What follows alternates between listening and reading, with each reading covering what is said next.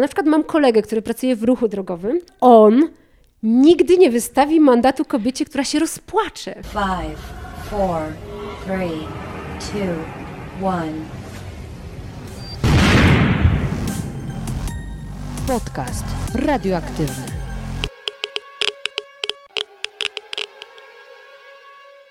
Dzień dobry, dzień dobry. Witam Cię w kolejnym odcinku podcastu radioaktywnego. Moi drodzy, mam dzisiaj dla Was rozmowę z naprawdę niesamowitą kobietą, która podjęła się w internecie niełatwego zadania, jakim jest odczarowanie, no, nie najlepszego wizerunku, jaki ma policja. Moim gościem jest autorka strony, a także kanału na YouTubie z pamiętnika policjantki.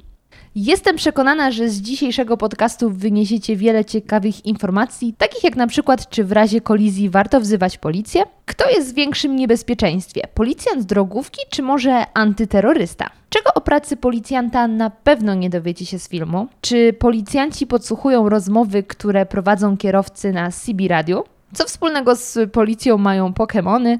W jakich sytuacjach policja może przymrużyć oko na wasze wykroczenia? A także co jest lepsze? Tani podryw czy może płacz? Jeśli chcemy uniknąć mandatu. Te i inne ciekawe informacje usłyszycie w dzisiejszym podcaście, także już nie przedłużając, zapraszam Was bardzo serdecznie do wysłuchania naszej rozmowy. Dzień dobry, dzień dobry, moja droga. Jestem e, podekscytowana dzisiejszą rozmową, ponieważ jeszcze nigdy osoba nie tylko z Twojej grupy zawodowej nie gościła w moim podcaście, ale też w moim domu. I to y, z jednej strony sprawia, że czuję się bezpieczna, a z drugiej strony boję się coś złego zrobić. Serdecznie Cię witam. Mi jest również bardzo, bardzo miło. Cieszę się, że mogłam Cię odwiedzić, że będziemy mogły porozmawiać. A kwestia mieszkania? Ja uważam, że to fajnie, że się tu spotykamy, bo daje nam to jakąś taką intymność i też możemy sobie na luzie porozmawiać. Niemniej jednak, e, jeżeli mogę, to skorzystam z okazji i nie proponuję nieznajomych zapraszać do domu całkowicie tak poznanych przez internet na przykład. Tak jak w sumie my. Tak jak w sumie my, tak. E, niemniej jednak może tutaj jakieś większe zaufanie, bo gdzieś tam te moje blogi coś już tam działa, ale w przypadku na przykład jak ktoś prowadzi korepetycje z jakiegoś języka, z jakiegoś przedmiotu. No nie trać no, głowy dla chłopaka z Żoli Boża, pamiętamy. Dokładnie i tutaj fajnie, że ludzie chcą zarabiać, ale jednak jeżeli jesteś w takiej sytuacji, to poproś mamę, tatę, współlokatora, że słuchaj, ktoś do mnie przychodzi pierwszy raz, bądź gdzieś w pokoju obok czy coś. Albo w kawiarni najlepiej, nie? Dokładnie, także, także tutaj bądźmy czujni, nie zapraszajmy nieznajomych zdecydowanie. Moja droga, teraz już mogę oficjalnie powiedzieć, ty prowadzisz y, w internecie kanał, a także stronę na Facebooku z pamiętnika policjantki. I ja na ciebie trafiłam za sprawą konkursu Gala Twórców organizowane przez e, Live Poznań, Influencer Live Poznań. Tak. W którym tak. brałaś udział i skrolowałam sobie zobaczyć, kto bierze udział. I jak zobaczyłam ciebie, stwierdziłam, no nie wierzę. Wreszcie jest ktoś, kto przemówił jak gdyby w imieniu policji, czyli grupy, która no, co by tutaj dużo mówić, nie ma najlepszego PR-u. Tak jak gościłam strażaka i powiedziałam mu na wstępie, nie wiem jak to się dzieje, ale strażacy to jest grupa, która cieszy się jednym z największych zaufań społecznych. No tak o policji tego powiedzieć nie można. I yy, to jest chyba też powód, yy, dla którego ty założyłaś swoją stronę na Facebooku. Jak trafiłam na bardzo stary post, chyba pierwszy chociaż pierwszy był, że zmieniłaś profilowe, drugi post, który wpisałaś, to powiedziałaś, że właśnie postanowiłaś um, rozpocząć swoją działalność w internecie, żeby trochę odczarować ten wizerunek, który też y, wynika z tego, że nawet wewnątrz waszej komórki policyjnej nie zawsze jest dobrze się dogadujecie. Zaraz przytoczę, bo jestem przygotowana. Nie, no ja jestem wręcz pewna, że jesteś przygotowana. Nie, no generalnie z tym moim... Że bombardują cię informacje z każdego wręcz kanału TV o policji i policjantach, co mnie uderzyło najmocniej w dochodzących do mnie informacjach, to, że słyszę ciągłe narzekania, przedstawiane są tylko walki wewnątrz formacji i ogólne niezadowolenie. Ani przez moment nie padło choć pół dobrego słowa, a przecież każdego dnia każdy policjant ma swoje małe sukcesy, które mogą być wręcz niewyobrażalnie wielkim sukcesem obywateli, bo przecież i jakież jest szczęście matki, której pomogliśmy odnaleźć zaginione dziecko. I tutaj mam największy żal do dziennikarzy, ale również do samych policjantów. I tak dalej, i tak dalej. I co? Dobry research, co? Bardzo dobry research, jestem pod wrażeniem, bo powiem szczerze, ten post powstał, Boże, tak dawno temu, ale tak, e, podpisuję się oczywiście pod nim e, rękami i nogami. A trochę mnie zaskoczyłaś, powiem szczerze, bo ten blog tak powstał, tak w sumie do końca nie wiem dlaczego, tak, tak jakoś chyba miałam taki cięższy czas w pracy, to może, może wypalenie nawet, może za dużo powiedziane słowo wypalenie zawodowe, ale tak stwierdziłam, a zacznę pisać, zobaczymy co z tego będzie i tak, to jest prawda, bo mm, niestety jeżeli słyszymy o policji, to najczęściej w tym złym znaczeniu. Nikt nie Nikt nie mówi, że policjant zrobił coś dobrego, raczej, że mm, policjant przekroczył swoje uprawnienia albo policja za wolno działała, gdzie jest to strzępek informacji wyrwany całkowicie z kontekstu. Dziennikarze nie posiadają całości wiedzy, też nie mogą jej posiadać dla dobra śledztwa Bo to jest wiedza operacyjna. Dokładnie. E, więc ja wiem, że tania sensacja najlepiej się sprzedaje, ale to nie o to chodzi, bo bo tak jak widzisz, na przykład u nas policjanci robią codziennie dużo dobrego, bardzo dużo dobrych rzeczy, czy nawet takie proste rzeczy, że e, nie wiem, uratują jakieś zwierzę, które na przykład, nie wiem, przymarzło do, do do wody gdzieś tam, do jakiegoś jeziora, e, wspólnie ze strażakami najczęściej oczywiście, czy pomogą chociażby nawet, nie wiem, staruszce przejść przez jezdnię. E, u nas takie zachowania, kiedy polska policja na przykład wyrzuci na fanpage takie zdjęcie, taką, opis takiej sytuacji, bardzo często jest dużo komentarzy, że nie za to wam płacimy, zajmujcie się łapaniem prawdziwych bandytów, a nie takie tanie mm, zagrania pod publiczkę. No i właśnie to nie są zagrania pod publiczkę, bo policjant to jest osoba, która pomaga i chroni, tak? I, i my pomagamy w różny sposób.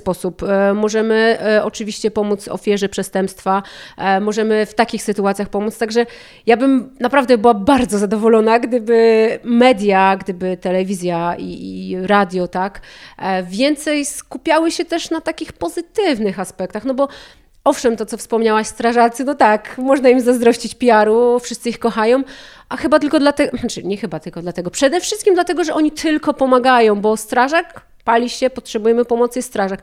A policjant pomaga, no i też kara czasami, tak? My musimy karać na przykład a, osoby, które przekraczają prędkość, tak? No bo większość, Do tego dojdziemy. O, większość osób policjantów kojarzy z białą czapką i z ruchem drogowym i, i może przez te mandaty, które no czasami są jedyną możliwością, a ludzie te, tych policjantów niekoniecznie, a umówmy się, no policja musi też wystawiać mandaty, bo na niektórych pouczenie nie działa w porządku, y, rozumiem argumenty jak najbardziej. Z drugiej strony, właśnie myślę sobie, już pomijam aspekt, co mówią media, bo media. Ja mam wrażenie, że w każdej dziedzinie le, lepiej się po prostu sprzedają złe wiadomości i mówienie o naszych porażkach albo czyichś porażkach to najlepiej. Zdecydowanie e, czyjeś to, porażki są najbardziej chwytliwe. Tak, i to nawet już nie tylko kwestia policji. Natomiast zastanawia mnie, czy są prowadzone rzeczywiście jakieś statystyki w cudzysłowie skuteczności i czy można to na przykład odnieść do skuteczności policjantów w innych krajach? Na przykład o, y, mam tutaj na myśli amerykańskich policjantów, o których rozmawiałyśmy zanim włączyłam kamerę, że oni mają świetny PR. I to samo, co będzie mm, zjechane w polskim internecie, że weźcie się do roboty, a nie ratujecie pieska, to w Stanach Zjednoczonych będzie super, świetna robota. Więc jak z tą skutecznością? Czy im możemy... Y, czy u nich ratowanie tego pieska jest tylko tym, tą wisienką na torcie, że są tak świetni i mogą dodatkowo zajmować się takimi w cudzysłowie błahostkami, bo na co dzień ścigają bandytów, a polska policja jednak ma niższe te wszystkie mm, wykresy skuteczności, więc jednak powinna odpuścić te pieski. Jest coś takiego? Znaczy, generalnie tak. Uważam, że to jest bardzo złożone i to jest bardzo dobre pytanie. I może zacznę od tego, że w policji polskiej mamy bardzo dużo statystyk i pokusiłabym się nawet o stwierdzenie, że może czasami za dużo tych statystyk i ja jestem e, zwolennikiem takiego bardzo mądrego powiedzenia, że statystyka jest jak kobieta w bikini. Niby naga, ale to co najważniejsze to ma zakryte. Także daleka byłabym od oceniania, czy jeżeli my mamy wysoki próg satysfakcji, czy oceniania przez społeczeństwo, to to przełoży się na pozytywne, nie wiem, komentarze na profilach policji.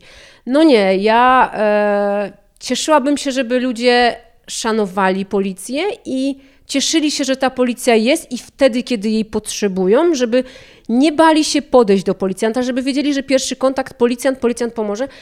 Tak jak na przykład jest w Stanach Zjednoczonych. Ja, mm, to jest w ogóle różnica kulturowa, całkowicie inna różnica kultur, y, całkowicie inna kultura, inny rodzaj przestępczości, więc ciężko jest to bezpośrednio przełożyć. Niemniej jednak mi się wydaje, że Amerykanie są bardziej tacy pozytywni, u nich raczej nie wypada powiedzieć, że no sorry, mam gorszy dzień. Oni mówią, że wszystko jest ok.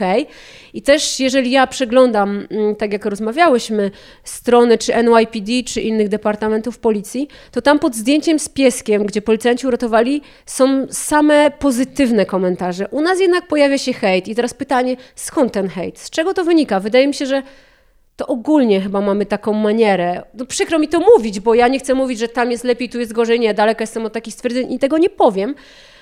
Ale no, wolałabym, żeby jednak ludzie doceniali to i nie skupiali się tylko na porażkach, bo ten piesek dla wielu jest ważny, tak? Więc, więc no, trzeba chyba też wszystko robić, tak? Co, co możemy, żeby było dobrze. To jest bardzo złożony temat, temat internetu, bo nawet rozmawiałyśmy wcześniej o komentarzach na YouTube, że to jest y, kąpanie się w głównie tak naprawdę. Więc y, to też myślę ma duże znaczenie, że zwykle jeśli ktoś już zabiera głos w internecie, to nie po to, żeby pochwalić, tylko zjechać. Natomiast y, zastanawia mnie kwestia, że mm, rozmawiałam z jakimś znajomym i on powiedział, że jak podróżował po Europie i często jak miał jakiś problem, na przykład na drodze, nie wiedział gdzie pojechać, zapytać czy zjazd jest jakiś, czy, czy można śmiało e, jechać, no to zatrzymywał się jak widział policję, e, żeby zapytać czy właśnie mogą mu wskazać drogę. I mówił, że jak jeździł po Europie było super, a wjechał do Polski, zatrzymał się koło e, radiowozu, to dostał mandat, że nie wiem, miał żarówkę spaloną czy coś, a pomocy jako takiej nie uzyskał. I to mnie tak trochę zastanawia, czy to nie jest tak, że też ten wizerunek policji nie jest taki trudny, bo często nasze jednak spotkania z policją kończą się fiaskiem. Zaraz podam przykład taki mój z życia. Ale to znowu, może to jest kwestia, że źli ludzie, w cudzysłowie oczywiście, mają większe pole rażenia i są bardziej zauważalni niż ci, którzy robią dobrą robotę i którzy są po prostu dobrzy. Znaczy, może tak być. Nie wiem, jakie okoliczności Twojego znajomego dokładnie spotkały, mhm. ale analogicznie e, jakiś czas temu byłam u swojej dentystki, która opowiada mi, że właśnie niedawno była e, w Krakowie na jakimś kongresie takim stomatologicznym i oczywiście rozkopane miasto, bo cały czas się mhm. mm, infrastruktura zmienia i ona nie mogła dojechać. Widziała na nawigacji, że ona jest kilometr od miejsca, od hotelu, gdzie cała konferencja, sympozjum ma miejsce i zatrzymała się przy radiowozie, bo ona mówi, że no, ma do wyboru jechać pod prąd, w ogóle na zakaz i widzi radiowóz, zatrzymała się.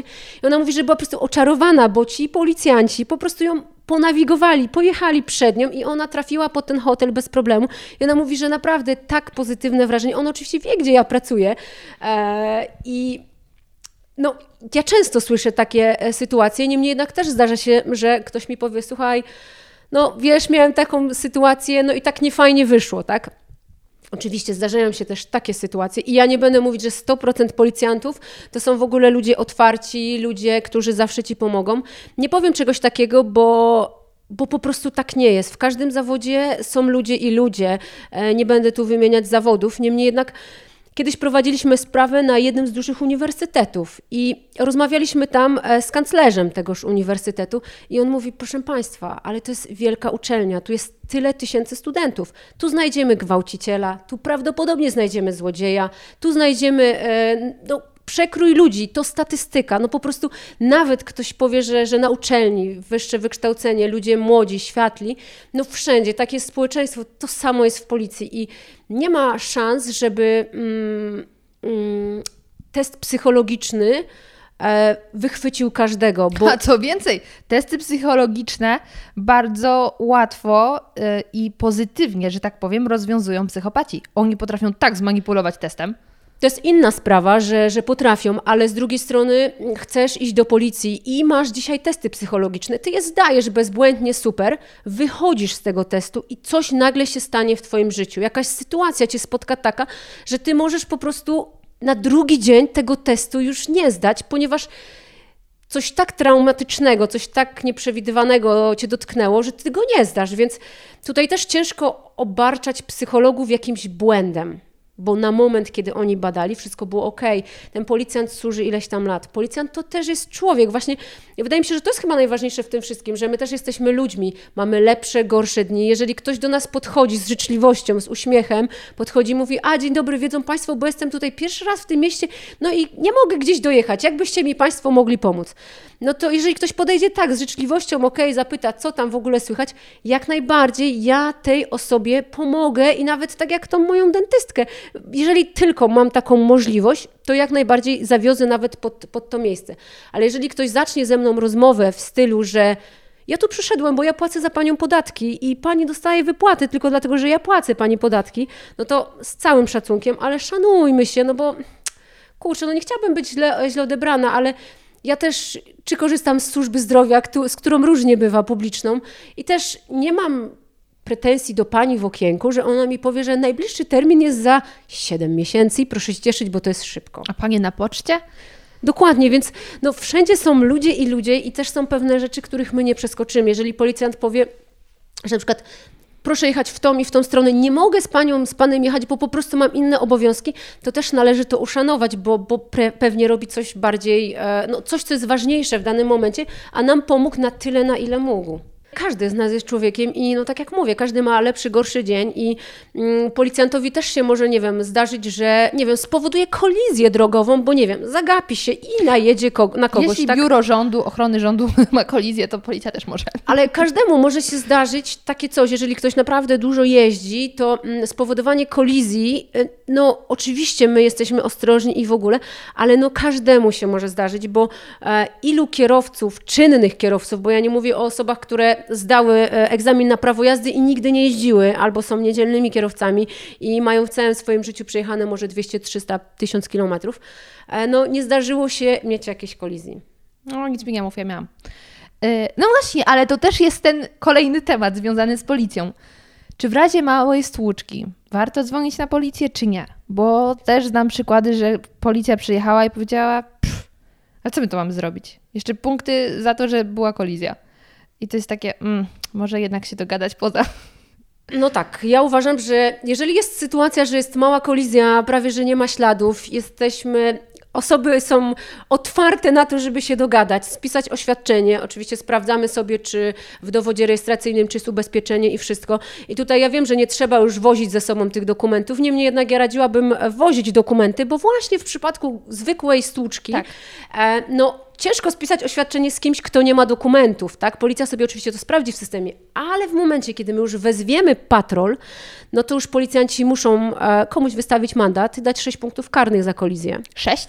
Tak, wydaje mi się, że jest 6. Tak, nie pracuję w ruchu drogowym, ale tak, 6 punktów karnych jest za kolizję z tego, co, co kojarzy, więc jeżeli mamy taką sytuację i naprawdę jest to niegroźne, osoby po prostu, ktoś się przyznaje, tak, to moja wina, spiszmy oświadczenie. Te oświadczenia są ogólnodostępne w internecie, w wielu kalendarzach można wyrwać sobie kartkę, czy nawet fajnie jest sobie takie oświadczenie wydrukować. Ale takie bloczki są w sprzedaży w ogóle już z gotowymi. No właśnie, no to czyli jednak to się, to się sprawdza. Tak, ja jednak jestem za tym, żeby się z ludźmi dogadywać, bo to nie chodzi o to, żeby e, za wszelką cenę policji, zwłaszcza, że trzeba się liczyć z tym, że na przyjazd patrolu ruchu drogowego o, się czeka. Właśnie, się czeka. W dużym mieście to jest naprawdę długie oczekiwanie i jest to trochę bez sensu. Naprawdę, bo jeżeli ktoś mówi, nie no, przepraszam pana, panią, to ja najechałem, zagapiłem się, coś się stało, no to tutaj pani wypisuje oświadczenie, tu moje ubezpieczenie, dowód, wszystko się zgadza, nie ma co wzywać mhm. policji. Nie ma sensu, moim zdaniem.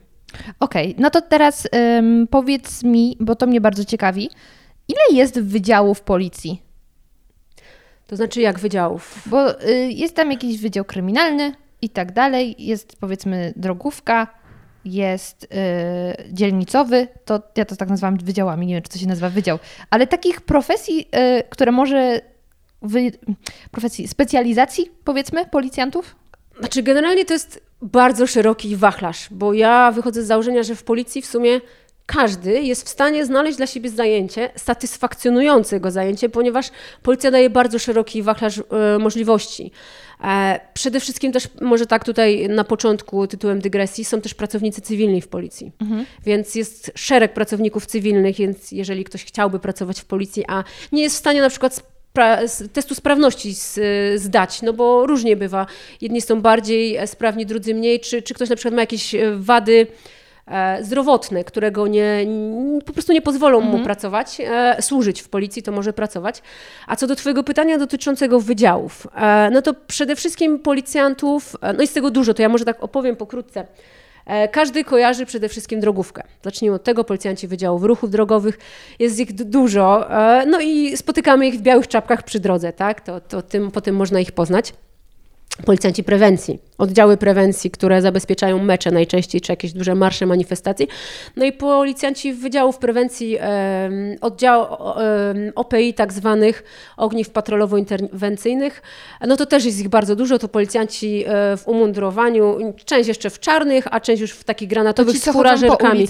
Ci, co chodzą po ulicach, bądź, bądź jeżdżą radiowozami, to mm, i tak, i tak można ich spotkać. E, no też jest ich bardzo dużo, no to są tacy policjanci, bym powiedziała, jak lekarz pierwszego kontaktu, bo jeżeli coś się stanie, oni zawsze jadą pierwsi na miejsce, więc tak, na nich chyba ciąży duża odpowiedzialność właśnie taka PR-owa, tak? No bo to jak najczęściej z takim policjantem mamy do czynienia, czy, czy z ruchu drogowego, czy z prewencji. E, także to, to, są, to jest bardzo duża rzesza policjantów. E, poza tym e, mamy policjantów wydziałów kryminalnych i dochodzeniowo-śledczych. No to już są policjanci, których rzadziej spotykamy. Spotykamy ich raczej, kiedy jesteśmy albo świadkami, albo pokrzywdzonymi jakimś przestępstwem, no bądź podejrzanymi, no ale nie biorę tego już pod uwagę. Są policjanci, którzy chodzą bez mundurów, którzy mm, prowadzą dochodzenia, prowadzą śledztwa. E, no i tak jak mówię, ich spotykamy, kiedy już coś się wydarzy najczęściej, czy chcą się o kimś coś dowiedzieć, to, to, to wtedy do nas podejdą, zadzwonią, zapytają. Mamy też w policji oczywiście techników kryminalistyki, laboratoria e, kryminalistyczne. E, tutaj duże, to jest bardzo ciekawa gałąź, bardzo chyba wzbudza takie największe zainteresowanie osób, e, które lubią czytać książki, zbrodnie. Archiwum X. Tak, Archiwum X, tak, o też są wydziały Archiwum X.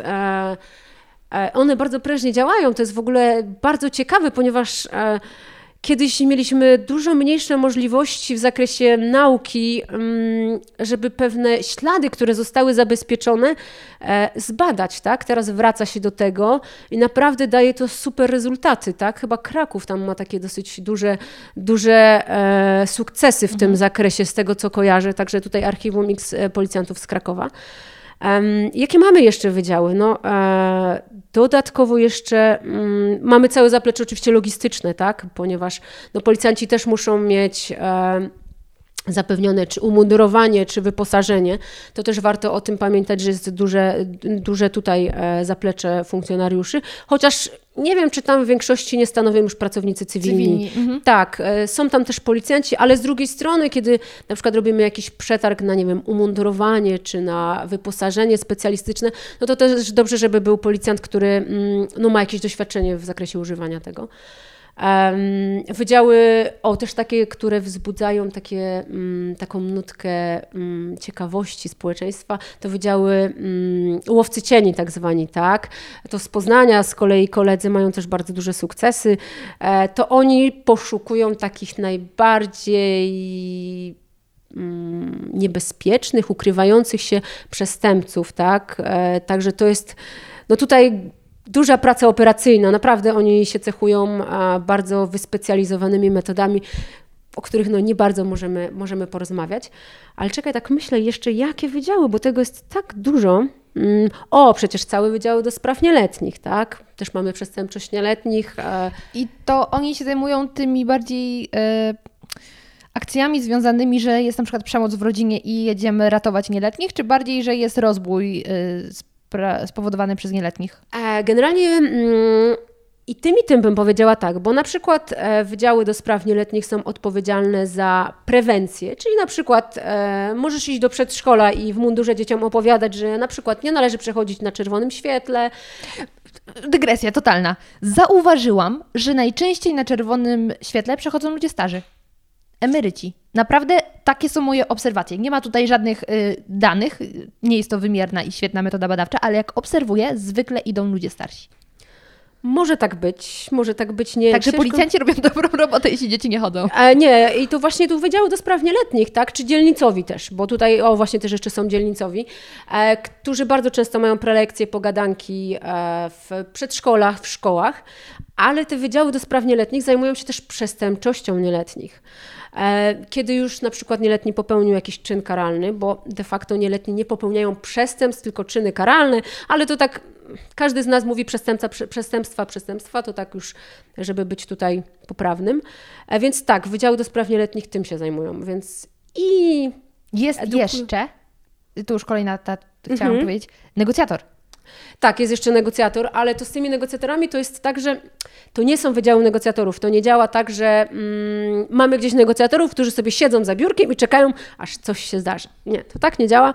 E, W Polsce negocjatorzy działają tak, że mm, jest to nieetatowe zajęcie, czyli pracujesz sobie na normalnie swoim stanowisku, jesteś tam, nie wiem, dzielnicowym, czy pracujesz w wydziale kryminalnym jeżeli zaistnieje taka sytuacja, że potrzebna jest pomoc negocjatora, to ty wtedy wzywana jesteś e, do podjęcia mm, czynności w tym zakresie. E, Tak, i tutaj no jest tych negocjatorów sporo w całej Polsce. E, Bardzo ciekawe zajęcie z doświadczenia, mogę powiedzieć. Bardzo trudne, ale bardzo też potrzebne równocześnie. Z Twojego albo Facebooka, albo YouTube'a, teraz nie pamiętam, gdzie ten temat poruszałaś, ale wiem już, że zaraz po szkole policyjnej zaczyna się od tego OPI Tak, i się chodzi albo jeździ po mieście. tak. Każdy E, policjant tak zaczyna. Po, policjant pierwszego kontaktu. I kurczę, to jest naprawdę trochę dziwne. Dziwne, no mm, w sumie nie mnie oceniać, ale wydaje mi się to takie strasznie trudne, że właśnie ten y, policjant pierwszego kontaktu jest y, ściągany do różnych takich ostrych akcji też, jak na przykład śmierć albo jakiś pewnie Do wszystkiego, do wszystkiego, pewnie wypadek też na początek się jedzie na szybko oględziny jakieś. Mm, To raczej ruch drogowy. Tutaj prewencja do wypadków nie jeździ, ponieważ w ruchu drogowym są wyspecjalizowane komórki właśnie takie wypadkowe. Okej, no ale jednak y, ma się starcie z różnymi ludźmi i to cały przekrój, a jednak jest to pierwsza rzecz, którą się zajmujesz. I to wydaje mi się takie trochę straszne. I może to też dlatego często mamy jakieś dziwne historie z tymi policjantami, albo źle y, ich postrzegamy, bo to są ludzie jeszcze z, czasami z mniejszym doświadczeniem i może nie tak wyrobieni w zawodzie. Jak uważasz? Mm, Może tak być, ale z reguły to nie jest tak, że posterunkowy, który wychodzi ze szkoły policji, e, idzie w patrol z drugim posterunkowym. Raczej e, ma już w patrolu drugiego policjanta bądź policjantkę, który jest bardziej doświadczony i to on jest dowódcą patrolu i w sytuacji. E, gdzie należy podjąć decyzję, to on jest za nią odpowiedzialny, więc Oczywiście doświadczenia to tak jak w całym życiu, nabywamy go z każdym dniem. I powiem tak, no e, praca, służba, służba w policji jest tak nieprzewidywalna, że ja czasami sobie mówię, że kurczę, już myślałam, że nic więcej w życiu mnie nie zaskoczy. No zaskoczy mnie pewnie... Zaskoczy mnie pewnie jeszcze nie raz i jeszcze pewnie będzie wiele sytuacji, które w chwili obecnej nawet nie jestem sobie w stanie wyobrazić, że będą miały miejsce. Więc no, patrolówka jest, no to jest szkoła życia. Naprawdę to jest ciężki kawałek chleba i, i to na przykład jest o tyle trudne, że idziesz na przykład dyżurny cię wysyła na jakieś zdarzenie i ty wchodzisz do mieszkania i ty nie wiesz, co tam zastanie, czy, zastaniesz. Czy tam będzie ktoś, kto będzie, nie wiem, siedział w kącie i płakał i generalnie taka będzie sytuacja. Czy ty uchylisz drzwi, a ktoś rzuci się na ciebie z siekierą, tak? To jest naprawdę trudne. To jest trudne, to daje nam bardzo duży pogląd na społeczeństwo, jakie społeczeństwo jest, z czym musimy się mierzyć każdego dnia. No i to doświadczenie później procentuje. Ja uważam, że to, że zaczynamy od, od prewencji, to jest dobre. I O, każdemu, każdemu to się przyda. To jest naprawdę szkoła życia. To też dodatkowo poznajesz rejon, w jakim pełnisz służbę, bo jeżeli jest to duże miasto, to e, poznanie tych ulic, tego wszystkiego, e, czy chociażby dzielnicy, że tutaj e, możesz się spodziewać tego, tam, tamtego, tak, to po pewnym czasie, jak się pracuje w patrolówce, to ty, jak dyżurny ci mówi, jedź na ulicę kolorową 2 przez 8 na przykład, to on nawet nie musi ci mówić nazwiska. Ty doskonale wiesz, co tam znajdziesz, kogo zastaniesz, ponieważ jest bardzo dużo takich adresów, pod które policja jeździ non-stop. I to jest właśnie pytanie, czy, czy to prawo działa tak jak należy? Już nie mówię policja, ale czy prawo działa tak jak należy, jeśli policjanci często wiedzą, czego się po danych ludziach spodziewać, oni dalej to robią? Ale to jest bardzo trudny temat i powiem tak, bardzo często policjanci chcą komuś pomóc, a z różnych przyczyn to się nie udaje, bo e, mówiąc o tym, że policjanci jadą i wiedzą, co spotkają na danym adresie, to przede wszystkim miałam pod, na myśli Przemoc domową? Przemoc domową, dokładnie. A powiem tak, to jest tak trudny i złożony temat. Em, Ja osobiście e, nigdy nie prowadziłam spraw typu, jak to mówią policjanci, znęty alimenty. Właśnie są te sprawy o znęcanie się. To jest bardzo ciężka sprawa z tego względu, że hipotetycznie, i to w sumie najczęściej ma miejsce taka sytuacja, że policjanci przyjeżdżają, najczęściej nietrzeźwy mężczyzna, wszczyna awanturę, bije żonę, konkubinę, dzieci. A, no najczęściej konkubinę, tam dzieci raczej mnie, no ale dzieci są świadkami tej przemocy, czy to słownej, czy fizycznej, czy psychicznej. Przyjeżdżają policjanci, mm, zatrzymują tego człowieka, wy, wy, wywożą go na dołek. Na drugi dzień rusza cała machina, przesłuchujemy całą klatkę najczęściej najbliższych sąsiadów. Oczywiście sąsiedzi są niechętni, nie chcą się e, wtrącać. E, Jest wykonany szereg czynności, zakładana jest też niebieska karta oczywiście. E, Po czym przychodzi ta kobieta, ofiara tej przemocy i krzyczy na nas wręcz, co my robimy, co my chcemy od jej męża, jej konkubenta, ona go kocha. No i tak. I ja nie chcę powiedzieć nic złego o tej kobiecie, bo nie powiem, bo najczęściej jest to No bo jest ofiarą. No jest ofiarą, jest bardzo często tam mechanizm. występuje już syndrom sztokholmski. To jest bardzo złożony proces, ale wydaje mi się, że do końca chyba ustawodawca, bo tu nie jest wina policji, żadne, nie w ogóle bym No właśnie, nie brała chodzi. tego pod uwagę. Policja raczej ma związane ręce, bo my wykonujemy czynności, które musimy, a w pewnym momencie odbijamy się od ściany, po prostu. E, ale powiem tak, po tylu latach służby, bo to już jest e, 14 blisko, ja nie umiem powiedzieć, co byłoby najlepszym rozwiązaniem. I byłoby super, gdyby mm, praktycy, bo teoretycy owszem też, ale przede wszystkim praktycy e, z różnych dziedzin pochylili się nad tym problemem, bo bo jest to naprawdę duży problem, bo taka kobieta najczęściej e, nie ma e, warunków finansowych, aby się u, u, usamodzielnić. Niezależnie od Jest niego. jedno mieszkanie, e, ciężko się gdzieś wyprowadzić, więc no, jest to tak złożony problem, że no, ja chciałabym, żeby kiedyś go rozwiązano, bo jednak e, przemoc domowa jest, e, no jest dużo tego, naprawdę jest sporo tego. I to czasami się wydaje, że taka jejku, porządna, normalna rodzina, a ona nie jest taka normalna. Ja w ogóle im jestem starsza, tym mam wrażenie, że nie ma normalnej rodziny. Że w ogóle słowo norma to jest tak nadużywane słowo, e, bo każda rodzina jest w jakiś sposób pokopana. Bo, mm, znaczy, bo y, umówmy się, co to jest norma, No tak? właśnie. No tu ciężko też stwierdzić, co to jest norma. Znaczy, ale to problem przemocy, tak, to Mhm. mi zawsze jest najbardziej żal dzieci, wiesz, bo, bo jednak te dzieci patrzą na to, są a, no bezsilne, tak? Ale wychowują się w tym środowisku, a potem wyjść na prostą jest bardzo trudno no bez najczęściej powielają wzorce swoich rodziców, co jest przykre, tak. Zastanawiam mnie, czy jest jakiś wydział, bo jeśli mówi, że to dobrze, że się najpierw idzie do tego OPI, to czy jest na przykład jakiś wydział, który można by nazwać względnie łatwy? Znaczy, wiesz, to zależy, co rozumiesz pod pojęciem względnie łatwy. Mhm. Bo to każdy z nas jest inny i każdy dla jednego, nie wiem, dla kogoś tańczenie w balecie jest łatwe, a dla mnie no, byłoby to nie do przeskoczenia.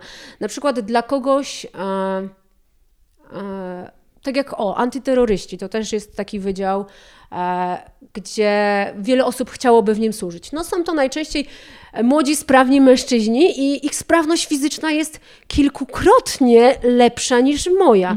I dla nich jest to, uważam, że łatwe, przyjemne i najczęściej chcą to robić, a dla mnie byłoby to nie do przebrnięcia. Tutaj ciężko mi jest powiedzieć, A który pod jest kątem łatwy. bezpieczeństwa, czy jest jakiś taki względnie bezpieczny? względnie bezpieczny. E, hmm. No, wydaje mi się, że najbezpieczniej, tak jakbym miała rzucać, no to może coś z kręgu e, Wydziały Kadr, Logistyki, tylko z tym, co wspomniałam, tam naprawdę zdecydowana większość to są pracownicy cywilni, więc bo, tutaj... mnie w głowie pojawiła się tak właściwie drogówka.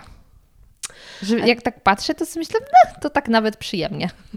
Znaczy, ja powiem tak, nigdy w drogówce nie pracowałam, darzę wielkim szacunkiem koleżanki i kolegów z drogówki i uważam, że nie jest to bezpieczne, choćby z tego względu, że popatrz, nie wiesz, kogo zatrzymujesz na drodze. Skąd wiesz, że nie zatrzymasz kogoś, kto na przykład ucieka przed policją i on myśli, że o kurczę, złapali mnie. I on pierwsze co, to wyciągnie pistolet i cię zastrzeli. Tak, w Polsce jest, to, to się rzadko zdarza, to widzimy na amerykańskich filmach, że ktoś nosi broń. Niemniej jednak takiej sytuacji nie możesz wykluczyć, bo ty nie wiesz, kogo zatrzymujesz. I tutaj to, co wspomniałam kolegów antyterrorystów, tak? Oni jak wchodzą na mieszkanie, to są uzbrojeni, oni wiedzą, gdzie wchodzą, czego się spodziewać, czy na przykład Jest ich dużo. To raz, ale oni najczęściej wiedzą, czy w mieszkaniu e, przebywa osoba, która na przykład może posiadać broń palną. Oni mają bardzo duże rozpoznanie, które robią im policjanci wydziałów kryminalnych, tak? A policjant prewencji, czy, taka, czy takiej drogówki, no nie wie na jakie mieszkanie wchodzi, to co wspominałam, czy ktoś będzie siedział w kącie i płakał, czy ktoś wyskoczy z siekierą, tak samo na drodze, nie wiesz kogo zatrzymujesz. A co do przyjemności, to wiesz, raz deszcz, raz słońce, minus 30 plus 30. Ja uważam, że to jest ciężka służba, naprawdę. No i niestety policjanci ruchu drogowego chyba są najgorzej odbierani. Tak, szczególnie pod koniec miesiąca, kiedy mówi się, że trzeba wyrobić normy. Ile jest w tym prawdy, że trzeba wyrobić normy? E, powiem tak, nie odpowiem na to pytanie wprost, bo nie wiem. Nie pracuję w ruchu drogowym, jednak wiele moich koleżanek i kolegów mówią, że tak, są statystyki, są normy. I to jest głupie. To jest głupie prawo, że są narzucone normy, ile musi być mandatów. Znaczy, ja mm, troszeczkę tego nie rozumiem, bo mm, powiem Ci tak, dla mnie e, byłoby dużo bardziej wymiernym efektem to, że spada przestępczość, nie mamy tych mandatów i że jest bezpieczniej. E, Niż, że nałożyliśmy tyle i tyle mandatów i dzięki temu jest bezpieczniej. Nie, bezpieczniej jest wtedy, kiedy my nie mamy za co nałożyć mandatów, bo ludzie jeżdżą zgodnie z przepisami, bo nie siadają pijanie za kierownicę. To I nie oczywiście już musimy nie jest doszukiwać mandat. się byle głupoty, żeby tylko za coś wlepić. Znaczy, ciężko mi powiedzieć, że policjanci doszukują się byle głupoty. Znaczy, nie sądzę, że są tacy czepliwi, bo generalnie e, dla mnie to jest bez sensu, tak? Naprawdę, ja wychodzę z założenia, że nie powinno się liczyć to, że mamy wykrywalność większą, ale że spada nam przestępczość, bo to jest to, że ja idąc sobie wieczorem do domu, wracając, nie będę się bać, że ktoś wyrwie mi torebkę, czy że, nie wiem, porysuje mi samochód, czy, czy, czy coś takiego, tak? Ja wolałabym się czuć bezpiecznie. A myślisz, że to jest możliwość, żeby przestępczość spadła? Tak, uważam, że jest możliwość, żeby przestępczość spadła. Znaczy, ona na pewno była, jest i będzie. Nikt mi nie powie, że jesteśmy w stanie całkowicie wyeliminować przestępczość. No nie ma takiej możliwości, ale nie wiem, czy kojarzysz. E, jest taka książka pod tytułem Przełom. To jest książka o nowojorskiej policji za czasów. E, to tam e, chodzi o reformę policji. Był taki prezydent miasta, czy burmistrz, czy jejku, nie wiem jak to, Giuliani i William Bratton. To był szef nowojorskiej policji, bo trochę tam inaczej w Stanach Zjednoczonych to wy, wy, wygląda. To nie jest tak jak u nas, że jest komenda główna, tylko tam każdy stan ma swoją policję. I Bratton zrobił po prostu fantastyczną rzecz. On e, wdrożył tak zwaną teorię wybitych szyb. To polega na tym, tak, to jest bardzo ciekawa teoria, w ogóle ja uwielbiam tego człowieka i jego sposób myślenia. On był wizjonerem i ja uważam, że takie wizjonerskie pojęcie, często, bo taka dygresja, osoby mi mówią, że ja jestem naiwna, bo ja wprost mówię, że uważam, że w policji może być lepiej. Bo nie jest źle, ale zawsze może być lepiej i uważam, że jeżeli ktoś będzie miał wizję, to jest w stanie zrobić coś, że ta praca, raz służba, służba będzie raz, że bardziej satysfakcjonująca dla funkcjonariuszy, bo tak jak mówiłam, szereg i wachlarz możliwości jest olbrzymi. Dwa, że społeczeństwo będzie lepiej odbierać. I tutaj właśnie wracając do tej teorii wybitych szyb. Polega to na tym, że należy walczyć z taką drobną przestępczością, że jeżeli na przykład pod twoim blokiem ktoś wybije szybę, no i ona jest taka wybita, nikt się tym nie zajmuje. Zaraz pojawi się kolejna, kolejna i kolejna. Właśnie chodzi o to, żeby zacząć od takich drobnych przestępstw. I jeszcze tutaj skończę, bo ty jako osoba nie boisz się, że nagle ktoś porwie cię dla okupu i nie wiadomo, co się stanie. Ty się boisz drobnej przestępczości, tak jak każdy z obywateli mieszkających tutaj. Więc ja jestem za tym, żeby ten sposób. Zgadzam się. I co więcej, są badania psychologiczne, które mówią o tym, że kiedy widzimy, że dookoła nie są przestrzegane pewne przepisy, prawo, normy społeczne, to my też czujemy się mniej zobligowani do przestrzegania. Dlatego jak jest y, otoczenie na przykład bardzo zaśmiecone, to my szybciej dokonamy jakiegoś wykroczenia, powiedzmy, czy tam nawet nie posprzątamy po psie, niż kiedy dookoła jest porządek, albo na przykład y, nie jest obskurna okolica. Jeśli nasze otoczenie y, sprawia wrażenie, że są przestrzegane normy, to jest większe prawdopodobieństwo, że my również będziemy.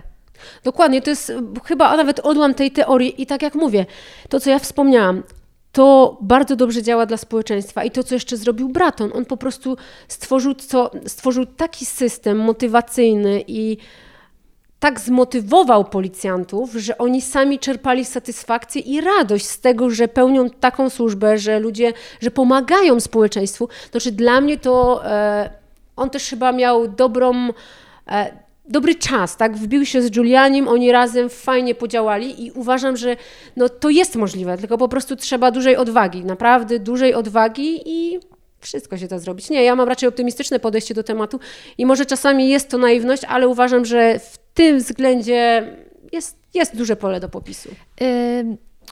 Trudno mi jest już po tym, jak zdążyłyśmy wcześniej chwilę pogadać, stwierdzić, że jesteś osobą naiwną. Wręcz przeciwnie, widzę, że twardo stąpasz po ziemi i jesteś realistką. Chociażby nawet to twoje twierdzenie, że ludzie jednak z natury raczej są źli. Tak, bo uważam, że ludzie z natury są źli. Niestety, jest z przykrością, bo, bo filozofowie nie, nie, nie wiadomo ile nad tym rozważają ten problem. Ja nie pracowali w policji. Nie pracowali w policji, to racja. E, tak, ja niestety z ogromną, ogromną przykrością uważam, że, że ludzie z natury swej są źli, chociaż oczywiście zdarzają się też dobre jednostki, no ale każdy wyjątek potwierdza regułę. I chyba życie, chyba praca, służba moja nauczyła mnie, że należy być ostrożnym i i może ta naiwność to ja tak trochę, no, no nie, nie, nie uważam się za osobę naiwną, raczej, raczej tak, mocno stąpam po ziemi. Ale życie jest skomplikowane, powiedziałabym to tak, tak. I nasze umysły są nieodgadnione i Wiesz, ja też mam takie przemyślenia, między innymi po tym, jak obejrzałam dwa odcinki, więcej nie dałam rady ślepnąc od świateł, to doszłam do wniosku, że moim zdaniem w popkulturze, w naszym teraz całym otoczeniu, y, w telewizji, w kinach jest za dużo przemocy. Teraz wszystkie produkcje, nawet seriale, które tworzy TVN i tak dalej, i tak dalej, są o kryminalnych sprawach o tym, że ktoś kogoś zabił, teraz jest śledztwo kryminalne, o tym, że jest rozbój i tak dalej, i tak dalej. I mam wrażenie, że jeśli my się będziemy otaczać takimi treściami, to to nie zostaje obojętne dla naszej psychiki. A naprawdę większość seriali, jak teraz obserwuję nowych, które się pojawia, jest bardzo mało optymistycznych. I ja nie wiem, czy to jest kwestia tego, że e, my chcemy, Dlaczego powstają? No bo chcemy oglądać, więc to nie jest tak, że się tworzy w próżnię. Ludzie chcą tego. Pytanie tylko dlaczego? Czy to jest, czy oni są tak już dobici, sfrustrowani w swoim życiu, że potrzebują oglądać przemoc, żeby odreagować. Ale jeśli tak jest, to moim zdaniem oglądanie tego coraz więcej nie sprawi, że będzie lepiej. Bo jeśli ciągle widzimy, że jest źle, że jest do niczego, że nie ma żadnych perspektyw, to my w końcu w to uwierzymy, nawet jeśli dotychczas oglądaliśmy to w telewizji, co było tylko fikcją. Znaczy, na pewno otaczanie się samą przemocą nie jest dobre i no, jest tego sporo, bo nawet y, można zacząć od bajek dla dzieci, tak? Tam też już jest dużo przemocy. Oj, tam weź, ja oglądałam bajki na Cartoon Network i wyrosłam na ludzi. znaczy, generalnie wiesz co, te znaczy, filmy w ogóle mm, związane z policją, znaczy jest bardzo duża rzesza zwolenników. Ja sama na Instagramie ma, obserwuję dość sporo takich profili, gdzie ludzie kochają czytać książki e, o zbrodniach, o, o policji. Znaczy ja ogólnie mm, bardzo propaguję czytelnictwo i, niestety coraz mniej ludzi czyta, więc jak ktoś czyta fajną książkę i podzieli się, powie, że co jest wartościowe w, nim, w niej, e, no jest to dla mnie bardzo cenne. W ogóle uwielbiam ludzi czytających książki, tak? Bo, bo niestety to zanika. Ale z czego to wynika? Może taka nutka tajemniczości, takie. Mm, wiele osób chciałoby na przykład być policjantami. Wszyscy mówią, że o, ja chciałbym być policjantem, takim kryminalnym, tropienie zabójstw, tylko i wyłącznie to. No, powiem tak. E, na szczęście Ojciec Mateusz to dzieje się tylko w Sandomierzu.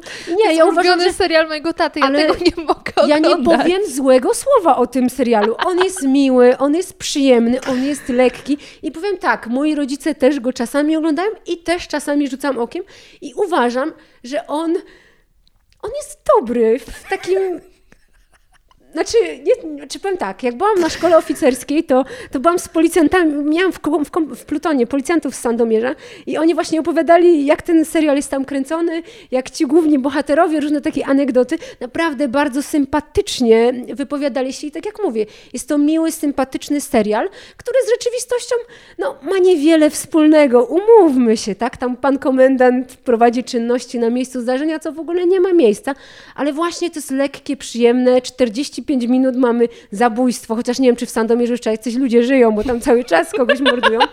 Niemniej jednak ja uważam, że takie seriale mają też wartość dodaną. Ja nie jestem z tych policjantów, którzy oglądają serial i mówią, nie, to tak nie może być. Że tutaj powinien być protokół, oględziny 10 godzin, a nie, że przyjdzie policjantka na szpilkach i porobi zdjęcia i wszystko ok. No ja wiem, że tak nie jest, ale przecież nikt nie będzie czegoś takiego oglądał i Uważam, że ten serial bardzo pozytywny wizerunek policji buduje. Taki trochę śmieszny, z dystansem, niemniej jednak pozytywny. Wiesz, kto moim zdaniem budował najbardziej pozytywny wizerunek policji? E, posterunkowy w rodzinie zastępczej. O, dokładnie. Kochałam go i zawsze przychodził na kawę. W sumie ty też u mnie wypiłaś kawę, Oczywiście bardzo smaczną. czyli jednak ma pokrycie e, w praktyce. E, Ale to już skoro poruszyliśmy temat popkultury, to czy ty właśnie oglądasz e, filmy i tak dalej, w których występują policjanci i, i, i masz takie, okej, to się bardzo różni, to się bardzo różni, czy jednak są takie filmy, seriale, które bardzo pokrywają się z rzeczywistością?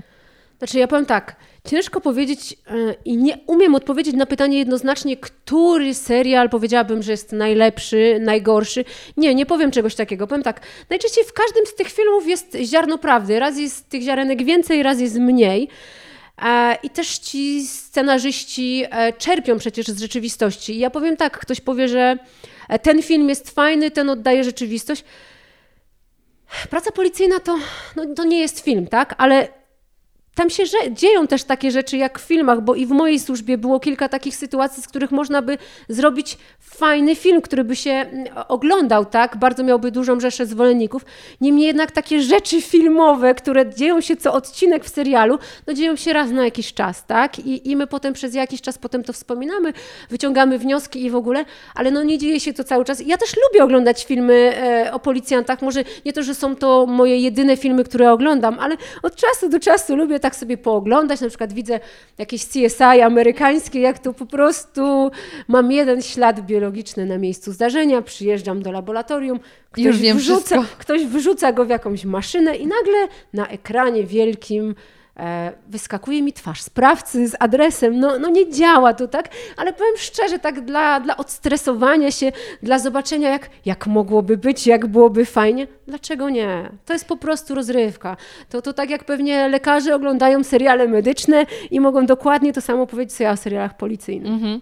Chociaż no, są jeszcze y, seriale o lekarzach i paradokumenty o lekarzach. I to już powinno być moim zdaniem zakazane. Znaczy, paradokumenty, no mam małą wiedzę w zakresie tego, bo nie oglądam. Ehm, powiem tak, to no, ciężko mi jest się wypowiadać, ale jeżeli ten paradokument niesie ze sobą jakąś taką treść, no to okej, tyle tylko, że tam jest bardzo dużo przekłamań i No właśnie, ja mam Ja- wrażenie, że to tylko niesie rozrywkę, a nie jakiekolwiek walory edukacyjne. Nie mówię, żeby teraz uczyć nas, jak robić operacje na sercu, nie? Ale o, za dużo tego przekłamania tam jest, jest takie przaśne. Znaczy, problemem dla mnie jest to, że, że przychodzą e, osoby na komisariat i mówią, że ja chciałbym z policjantami z W11 rozmawiać, bo oni mi na pewno pomogą, albo e, prowadzi się jak, jakąś sprawę, no i no to nie wygląda tak jak w filmie, że 45 minut z 15-minutową przerwą na reklamy i my mamy sprawcę zabójstwa. No nie, nie działa to tak. E, ludzie mają pretensje bardzo często do nas, że my za wolno działamy, że coś nam za długo zajmuje, bo w telewizji oni widzieli, że to jest 30 minut i już powinno być wykryte. No tak nie działa i to uważam, że to jest największy minus e, paradokumentów i seriali o policjantach. No trzeba sobie zdawać sprawę, że jest to film. Y, Ty teraz pracujesz w Wydziale Kryminalnym, tak? Tak. E, I czy ty jesteś tą osobą, do której się należy zgłosić w momencie, kiedy została nam wyrządzona jakaś krzywda? Czy generalnie to wygląda tak, że mm, po części tak. Generalnie, znaczy może po części tylko, ponieważ to przede wszystkim Wydziały Dochodzeniowo-Śledcze przyjmują zawiadomienia, bo generalnie to wygląda tak, że w każdej jednostce policji, e, w komendzie powiatowej czy w komisariacie e, są zawsze dyżury, tak zwane zdarzeniowe. Czyli na przykład, jeżeli ktoś ukradnie ci portfel, to ty co musisz zrobić? Niezwłocznie udać się do jednostki. e, Najpierw policji. do banku. Tak, najpierw do banku przede wszystkim złożyć, e, zgłosić zaginięcie dowodu, bo to jest w ogóle, pamiętajmy, że dowód osobisty jest tak wrażliwą rzeczą, że jeżeli nam po prostu zostanie skradziony nie, niezwłocznie, po prostu niezwłocznie. Ja jeszcze od siebie polecam BIK, czyli to jest chyba Biuro Informacji kredytów, Kredytowej. tak. Świetne. Przychodzą ci co miesiąc powiadomienia, na przykład, że przez ten miesiąc nikt nie próbował wziąć kredytu na twój PESEL. Polecam, ja mam. O, to nawet nie wiedziałam, nie, nie, nie korzystam, ale może warto zacząć, tak? To jakieś 20 zł na rok? Naprawdę grosze w porównaniu do tego, jak może cię zabezpieczyć. A to jest dobra, dobra że tak Pokażę powiem, informacja. To bardzo chętnie skorzystam i jeżeli to jest takie dobre, to też e, proponuję, żeby każdy skorzystał, bo, bo to jednak 20 zł, a mamy dużo, dużą taką, takie poczucie, że jest okej, nic nam nie grozi, tak? Bo jednak Jeżeli wziąć ktoś... kredyt to jest chwilówka. Dokładnie, a potem my musimy tłumaczyć. Te tłumaczenia są strasznie, strasznie długie. Ale wracając do Twojego pytania, i właśnie taki policjant dochodzeniowo-śledczy, który pracuje w takim wydziale, przyjmuje od Ciebie zawiadomienie, czyli przesłuchuje Cię na świadka. Jeżeli na przykład jest jakaś sprawa mm, bardziej skomplikowana, że potrzebny jest techni- oględziny, są miejsca zdarzenia, tak, no to wtedy jedzie, no załóżmy ktoś się włamał do Twojej piwnicy, tak, no to wtedy na miejsce zdarzenia jeszcze jedzie technik, a policjanci kryminalni to już później, jak dostają sprawę, chociaż też na miejsce jadą wcześniej i jakieś tam ustalenia wstępne robią, czy ktoś widział świadków tego zdarzenia, no może nie przy włamaniu do piwnicy, ale na przykład przy rozboju, no to jak najbardziej policjanci kryminalni jadą na miejsce, rozpytują, zbierają takie pierwsze wstępne informacje. E, No to tak, ja się tym zajmuję, jak już jest jakaś sprawa, coś się dzieje i generalnie tak. No, To ja teraz Ci opowiem moją historię. no jestem bardzo ciekawa. Moja ostatnia styczność i mam nadzieję, że przez dłuższy czas nie będę miała już poza Tobą y, styczność z policją. Na moim ostatnim osiedlu, o którym Ci mówiłam, przebito mi za pierwszym razem opony. Ale to było jakieś miesiąc od kiedy tam mieszkałam. Stwierdziłam, zap- y, zaparkowałam nie tam, gdzie trzeba, pewnie zajęłam czyjeś miejsce. No więc samochód następnym razem y, poszedł na lawetę, bo dwie opony do wymiany. Y, No i następnym razem już parkowałam w jakichś różnych miejscach, tam gdzie było po prostu taka opcja. A to był taki parking przy uczelni. Także mm, wszyscy tam parkowali i było git. I nagle po pół roku ja przychodzę, nie mam już czterech opon. Więc zapłakana z jednej strony dlatego, że kurzona ostro, a z drugiej strony, że ktoś tknął moje największe szczęście, czyli mój samochód. I stwierdziłam, nie, kurna, tym razem to już nie jest przypadek, idę na policję. I okazało się, że niedaleko był jakiś komisariat, więc tam potuptałam. Pan powiedział, że to nie tu, mam iść na inny. Dobra, to podjechałam na y, komisariat taki do dzielnicy całej. No i y, mówię, co się stało. I skracając całą tą historię, gdzie tam był raport, że ktoś mi tam przebił opony, coś tam, coś tam, to wydźwięk był taki. A czego się pani spodziewała mieszkając na tym osiedlu? Bo padła nazwa tego osiedla, e, tej ulicy. I ja mówię, okej, rozumiem, już teraz wiem, że to jest Melina. Natomiast co ja teraz mam zrobić? Tym bardziej, bo to jest ważny element tej historii, że ja wiedziałam, kto przebił te opony. Bo po ostatniej akcji to nie tylko mój samochód stracił kapcie, ale też u innych ludzi. I ci ludzie zrobili zasadzkę. To znaczy schowali się w swoim samochodzie i koczowali przez noc i zobaczyli, który gościu podszedł tam z em, nie scyzorykiem, tylko ze skalpelem i chciał im przebić e, opony. I w momencie, kiedy oni wstali, jak gdyby leżeli na siedzeniach, Mhm. no to ten człowiek udał, że załatwia się w krzaki. I e, ja już wiedziałam, kto to jest, bo jak gdyby zrobiliśmy sobie takie małe sąsiedzkie śledztwo. I mówię, że my mamy ślad, kto to jest. I ten człowiek jest perfidny. No ale policjant stwierdził, proszę pani, nie mam dowodów, to co ja zrobię? Mówię, okej, czyli chce mi pan powiedzieć, że ten pan jest bezkarny, a ja mam zmienić mieszkanie? On mówi, nie, ja tego pani wprost nie powiem. Ja mówię, aha, no ale ja mam stratę. To już poszło jakieś dwa koła na opony. On mówi, proszę pani, gdyby tam była fabryka e, kokainy, to byśmy się zainteresowali. Ale opony? I kurde, spisał ten, oczywiście cały ten protokół. I ja po tygodniu dostałam e, zawiadomienie, że sprawa została tam przyjęta, a dwa dni później dostałam zawiadomienie, że zostało śledztwo umorzone. A data nawet była jakaś taka, że chyba y, umorzenie nastąpiło dzień później. Y, Wynajęłam sobie y, parking mm, na zewnątrz i tam kilome- kilometr dochodziłam do tego samochodu, ale któregoś dnia musiałam zostawić pod blokiem, bo musiałam szybko być w centrum i chciałam wieczorem odstawić samochód i ja wracam. A w drzwiach mam suniętą karteczkę, że jeśli dwukrotna wulkaniza- wulkanizacja mi nie wystarczyła, to za trzecim razem będę robiła blachy malowanie. A ja zaparkowałam wtedy naprzeciwko kamery. I ja wiedziałam, że ten gościu musi być na tym filmie. No więc poszłam prawilnie na policję, a pan mówi: Przy pani, ale tu nie ma dowodów. Ja mówię: No jest kamera, możecie sprawdzić. No nie, no bo ten człowiek mógł po prostu przechodzić. I ta karteczka mogła się tam przypadkiem znaleźć. I koniec tematu. I ja musiałam zmienić mieszkanie, bo ten pan, którego wiedziałam, kim jest, mógł sobie dalej niszczyć. I jakimś cudem, po roku, ja już zapomniałam, mieszkam sobie w nowym miejscu, dzwoni do mnie pan policjant, który mówi, że mamy tego pana. Tylko ten pan y, jest taksówkarzem, więc on, y, jeśli y, będzie miał wpisane przestępstwo, to straci prawo do wykonywania zawodu i trzeba się zgodzić na umorzenie. No więc doszłam do wniosku, że wolę dostać część tych pieniędzy za stratę, ale się nie bać potem wyjść na ulicę, że ten pan nie znajdzie, bo nie chciałam pójść na ugodę. I to mnie zastanawia, że ja miałam ślad, dawałam policji jasny ślad, bo też sąsiedzi y, mieli tę- tą samą akcję. Był, było to zarejestrowane na kamerze, a summa summarum człowiek był bezkarny, a ja no, musiałam zmienić mieszkanie. I chciałam zapytać, jak w takim razie to działa, jeśli tak szybko przychodzi umorzenie? Znaczy powiem tak, um, opowiadając, znaczy, słuchając twojej historii, mm, finał był taki, że pan został złapany, tak? Tak. Jak to działa? Przede wszystkim e, to, o czym opowiadałaś, że zrobili zasadzkę.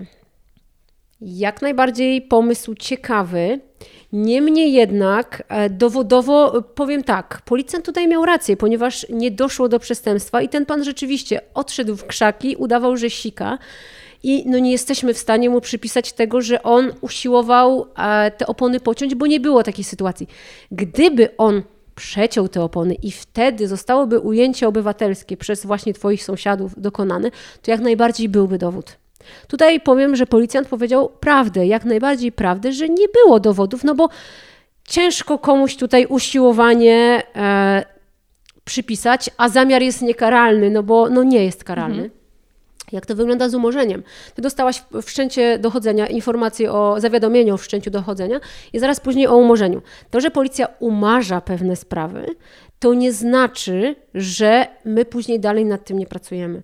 Bo generalnie tak, sprawa wygląda, zawsze można podjąć umorzone postępowanie. Jeśli są jakieś Jak nowe ci ślady. pojawią się nowe ślady, popatrz, twoja sprawa została umorzona, a po roku ty dostałaś zwrot jakichś pieniążków, znalazł się sprawca. Mhm. Czyli widzisz, policja cały czas pracowała dalej nad tą sprawą. To nie jest tak, że my nic nie robimy. Co jest przykre w tej sytuacji, powiem tak. To jest właśnie sytuacja, o której ja mówiłam. Teoria wybitych szyb. Zobacz. Tam to było normalne, że chodzi sobie jakiś gość, jeszcze taksówkarz, to jest w ogóle dla mnie amazing. Jak może taksówkarz, osoba, która powinna być godna zaufania, bo ja zawsze mówię do osób, e, że słuchaj, idziesz na imprezę, popijesz, okej, wszystko jest dla ludzi, alkohol ró- również, ale pamiętaj, zamawiaj taksówkę, wsiadasz do taksówki, wysiadasz pod domem, taksówkarz będzie czekał, patrzył, aż ty wejdziesz do klatki.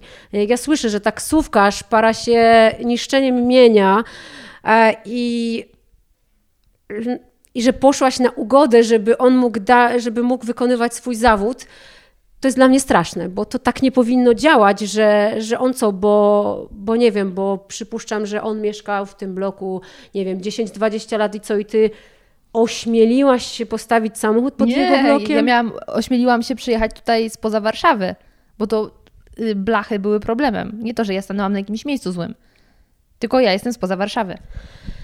I to jest, wiesz, 44 pamiętamy. E, no czy jest to, jest to przykre, bo, bo przecież każdy z nas mieszka w różnych miastach e, i to wystarczy, że jesteś w innej dzielnicy i też ktoś ci weźmie i, i przebije opony. No nie, ja całkowicie się no nie mogę z tym pogodzić i tak jak mówię, mm, będę tutaj jak zdartą płytę powtarzać teoria wybitych szyb. Tam było to na porządku dziennym. Tak jak mówisz, ty dowiedziałaś się od policjanta, no ale czego pani się spodziewała? Przecież to jest taka zła dzielnica, tak? No tak nie powinno być, jeżeli w tej dzielnicy dochodzi do takich sytuacji. Mamy E, mamy właśnie drobną przestępczość, bo właśnie to, co mówiłam, ty się nie boisz, że cię ktoś porwie dla okupu, tylko kurczę, muszę zostawić auto i ja wiem, że ktoś je porysuje, przybije mu i to jest z jednej strony drobne, ale bardzo dotkliwe, bo dla ciebie e, wulkanizacja, pomijam koszty, ale całe to zamieszanie, ten proces, żeby to wszystko zorganizować, kiedy ty potrzebujesz auta, jesteś czynna zawodowo czy coś. I właśnie tak nie powinno być. I właśnie brak tego poczucia bezpieczeństwa. Przecież poczucie bezpieczeństwa to jest jedna z podstawowych zasad y, w teorii Maslowa. Maslowa. Tak, jak najbardziej.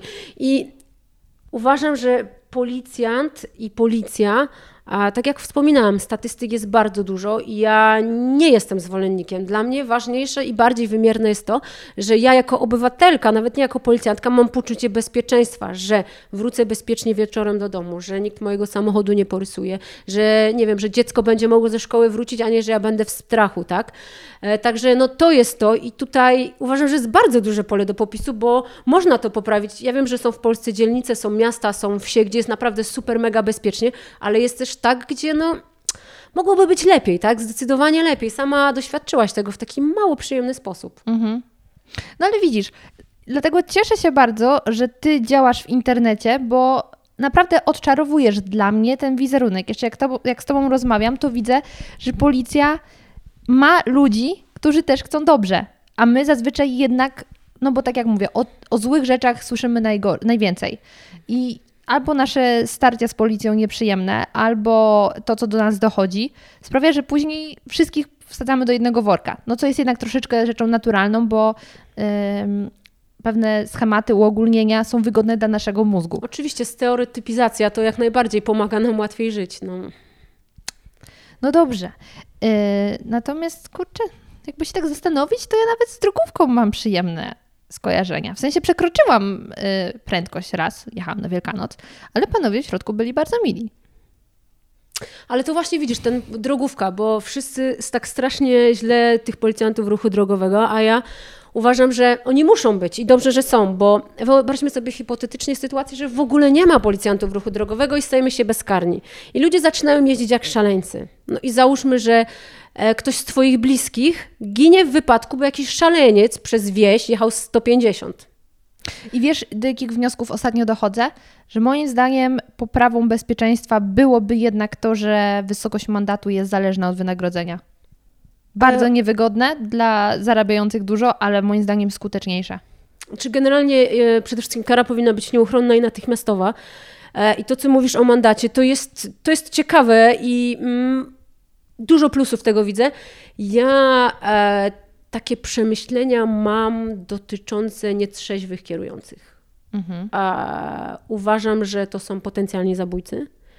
I co jest najbardziej e, dla mnie przerażające, to jest społeczne przyzwolenie na jazdę na podwójnym gazie, bo, bo często przy, przy jakichś e, świątecznych stołach e, są akcje w stylu ze mną się nie napijesz, ale tylko jednego. Ja ostatnio przecież. Rozchodniaczek. Tak, ale ja ostatnio przecież piliśmy, pojechałem, udało mi się przechytrzyć policjantów, a wiesz, bo oni stoją tylko w tym miejscu. I wiesz, i nikt nie powie, że kurde, ale to jest przestępstwo i, i tego nie można pochwalać. I w analogicznej sytuacji, jakby ktoś powiedział, choć ukradniemy tutaj Kowalskiemu telefon, no to już by wszyscy tak nie przyklaskiwali, no bo jednak złodziej, złodziej, złodziej. No ale pytanie, czym się różni nietrzeźwy kierujący od złodzieja, tak na dobrą sprawę? Powiem więcej, złodziej kradnie ci tylko mienie. Mienie możesz zarobić, ten telefon ci ktoś ukradnie, owszem, jest to strata, ale ty jesteś w stanie kupić sobie nowy. A jak nie trzeźwy kierujący, nie daj Boże, spowoduje wypadek, to zdrowia sobie nie kupisz, a życia tym bardziej. Więc ja jestem przerażona tym faktem i mm, lata świetlne temu na początku swojej raczej kariery, raczej na początkach, siedziałam w pokoju z z policjantem, doświadczonym policjantem, który właśnie prowadził sprawę nietrzeźwych e, kierujących. I powiem Ci szczerze, przerażające jest to, że mm, to, że komuś zostaną odebrane uprawnienia do kierowania, czyli po prostu zabieramy mu prawo jazdy, jest tam sprawa w sądzie w ogóle wcale go to nie odstrasza. Jest gro pijaków. I powiem tak, pijaków dosłownie, takiego kolokwializmu użyję, którzy za jakiś czas pojawiają się znowu na komisariacie i mają jeszcze tylko dodatkowy zarzut za niestosowanie się do orzeczonych zakazów, no bo mają zakaz prowadzenia pojazdów mechanicznych. No po prostu... I znowu, to- prawo, I znowu. prawo I, jest y, nieudolne w tym przypadku. Wiesz co, znaczy, ciężko powiedzieć nieudolne.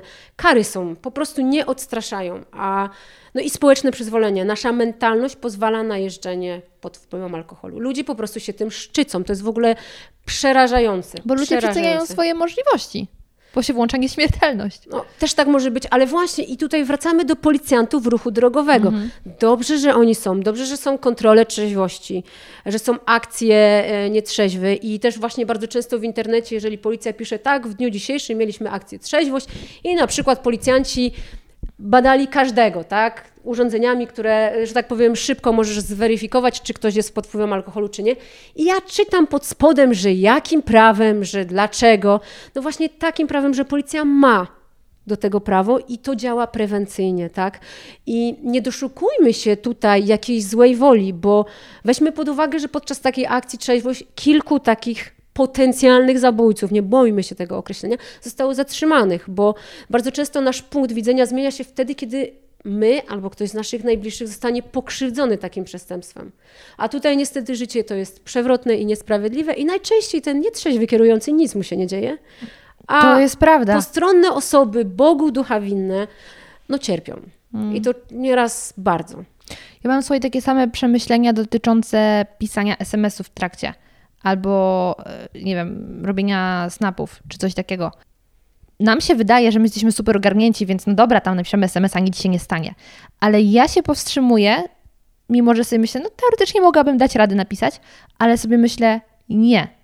Bo ja wiem, jakie to musiałoby być, jakie to musi być straszne uczucie, kiedy wiesz, że twoja bliska osoba ginie z głupiego powodu, że ktoś wysyłał komuś snapa.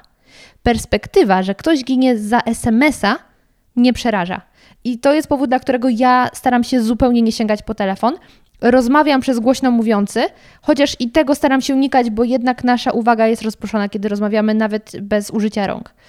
E, ale właśnie ta perspektywa, że ktoś może zginąć przez SMS-a, przez wysłanie emotikony, rozwala mnie. Jeżeli ktoś jedzie z dużą prędkością i pisze SMS-y, czy korzysta z telefonu, no nie, no to jest... To jest zabójcą. to jest zabójcą, tak, to, to no nie, no nie można tego robić, zwłaszcza, że teraz jeszcze te telefony mają tyle funkcji, bo to, tak jak mówię, to było dawno, tak, to było bardzo dawno, więc ten telefon jednak e, nie robił zdjęć, nie miał internetu. Miał Snake'a. Tak, miał Snake'a, dokładnie I, i to w ogóle jakiś był SMS, ojejku, jakieś coś, no nie pamiętam nawet, tak, ale teraz naprawdę jeszcze młodzież ma taki bardziej frywolny styl życia, bym określiła takiego, takiego e, określenia, no i no nie, jeszcze też często korzystamy z nawigacji w telefonie, trzymając go w ręce, no Dlatego, tak jak mówię, ja wierzę, że jesteście super kozakami. Tu się zwracam do widzów i do słuchaczy. Jesteście w stanie napisać szybko SMS-a, ale zastanówcie się, jakby to było, jakby wasz bliski zginął, bo ktoś wysyłał komuś emotikonę, która się śmieje. Tragedia.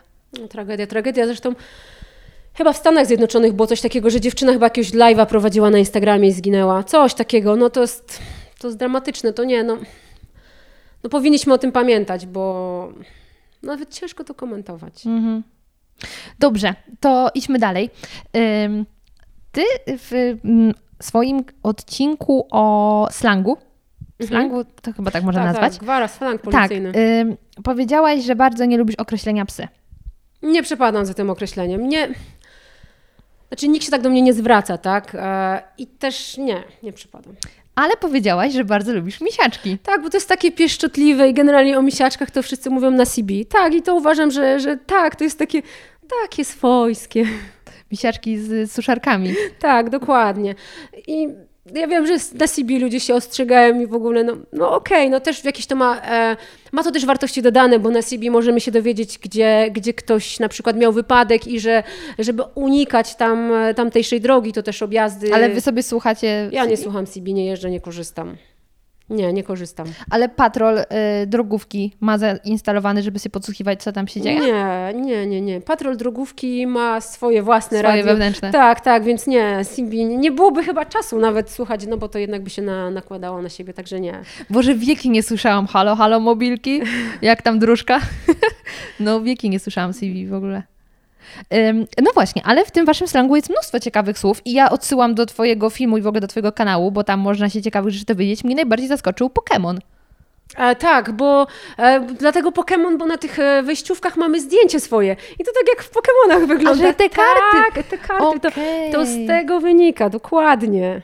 No bo każdy ma na karcie swojej takiej, którą odbija, że tak powiem, w pracy, czy, czy jak wychodzi do różnych tam stref, no to jest jego zdjęcie, no i to wygląda jak taki Pokémon, dosłownie. No w sumie tak. Tak. Natomiast jeszcze tutaj bardzo mnie zaskoczyło, jak mówiłaś, że te mundury to jest moro, y, czarne moro, Tak, e, ale że to też jest czarnuch. Tak, Tak, no bo to to się takie- na to się mówi czarnych, ale generalnie widzisz, teraz się zmienia umundurowanie policjantów, bo nie wiem, czy zwróciłaś uwagę, w czarnych mundurach e, jeszcze chodzą policjanci, w takich, no dokładnie, Granatowych. Ale właśnie pojawiły się granatowe i umundurowanie to czarne, ćwiczebne zmienia się na takie granatowe z furażerką.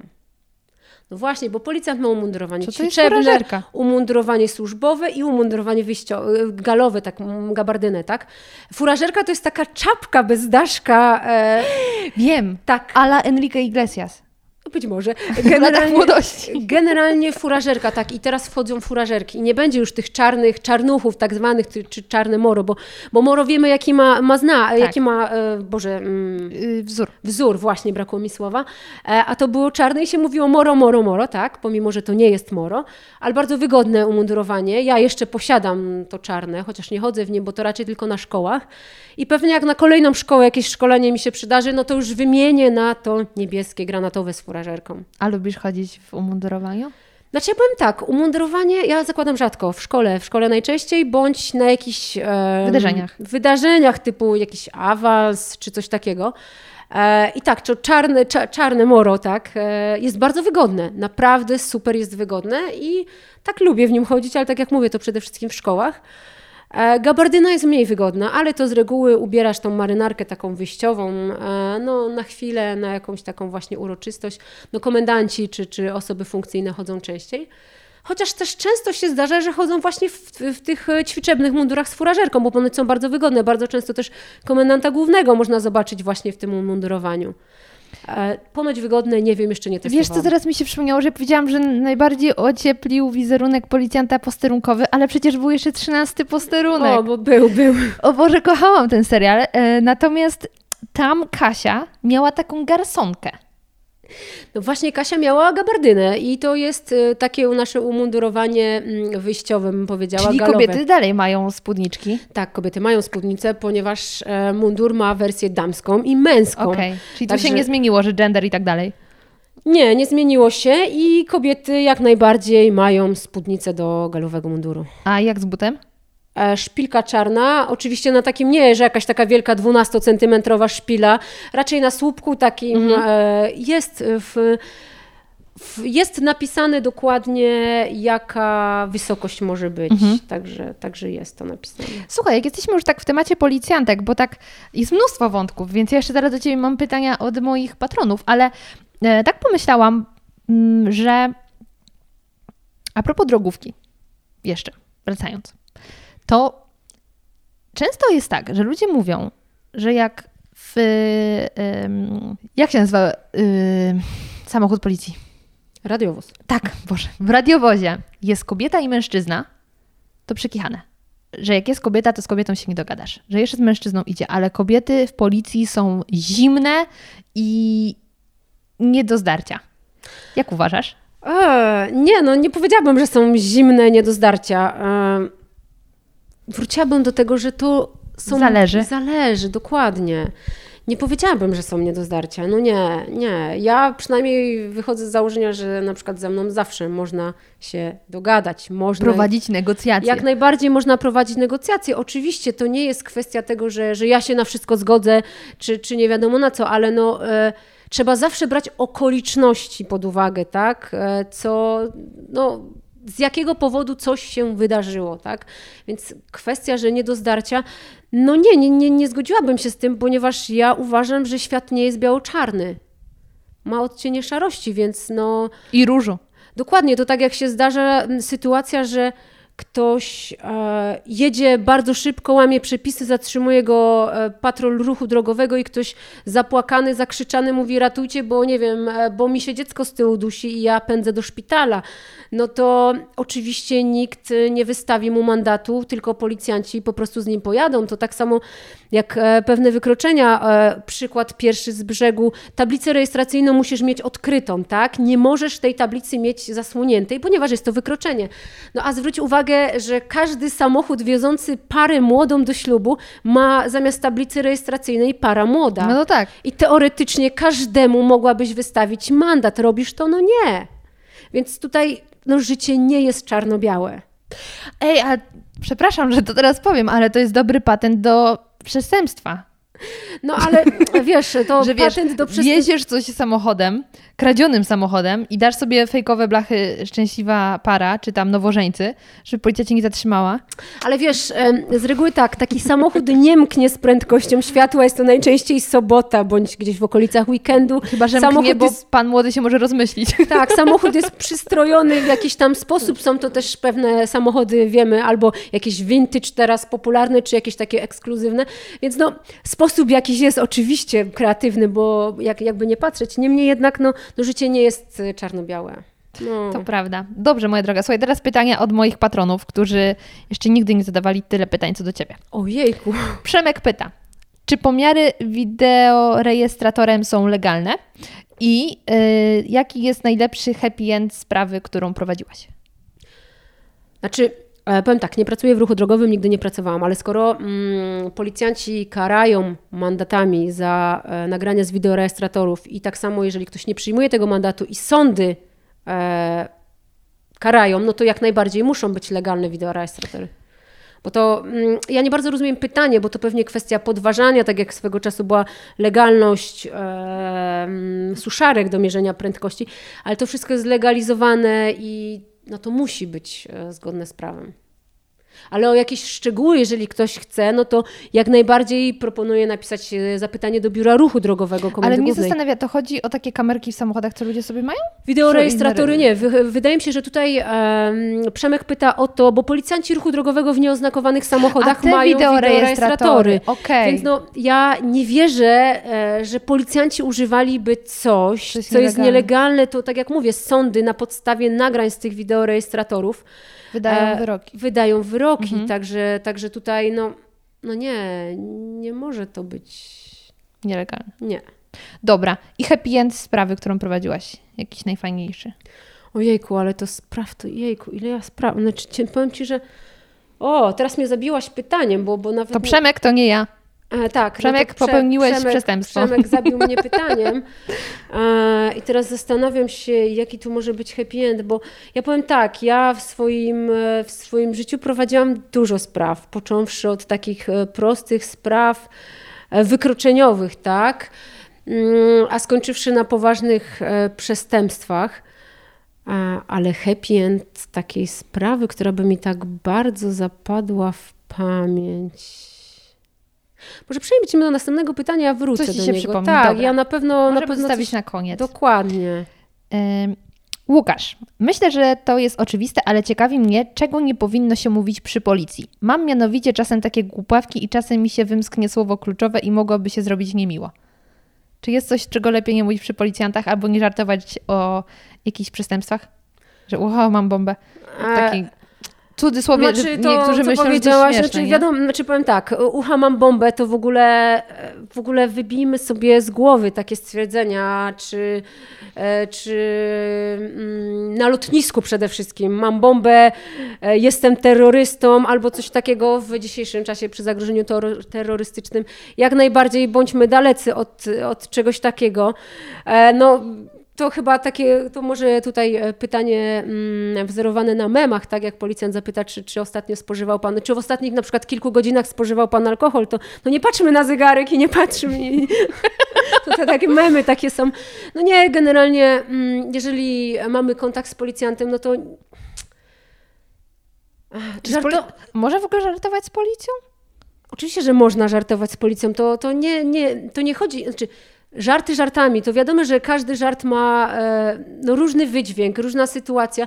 Wiadomo, że nie musimy być poważni e, przy na przykład każdej kontroli drogowej. No, poważnie to trzeba wyglądać w trumnie, tak? Umówmy się, nie? No też nie wszyscy. No nie wszyscy, ale generalnie oczywiście ja wychodzę z założenia, że trzeba w życiu mieć dystans do siebie, do, do otaczającej nas rzeczywistości. Oczywiście nie, e, nie mówmy ze śmiertelną e, powagą do policjanta, że mam trupa w bagażniku i że czy coś, tak? No to są takie skrajności, ale... Najbardziej przerażające było, gdyby ktoś nie żartował.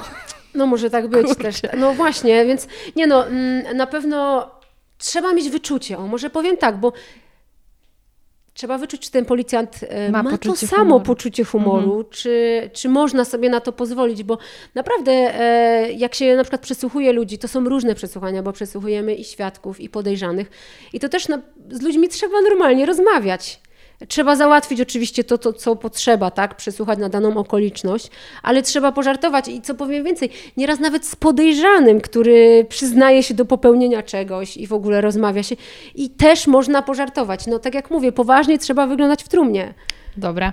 To mnie przekonuje. Ja z tamtym panem policjantem, co powiedział mi, że mam się wyprowadzić, też zaczęłam później żartować.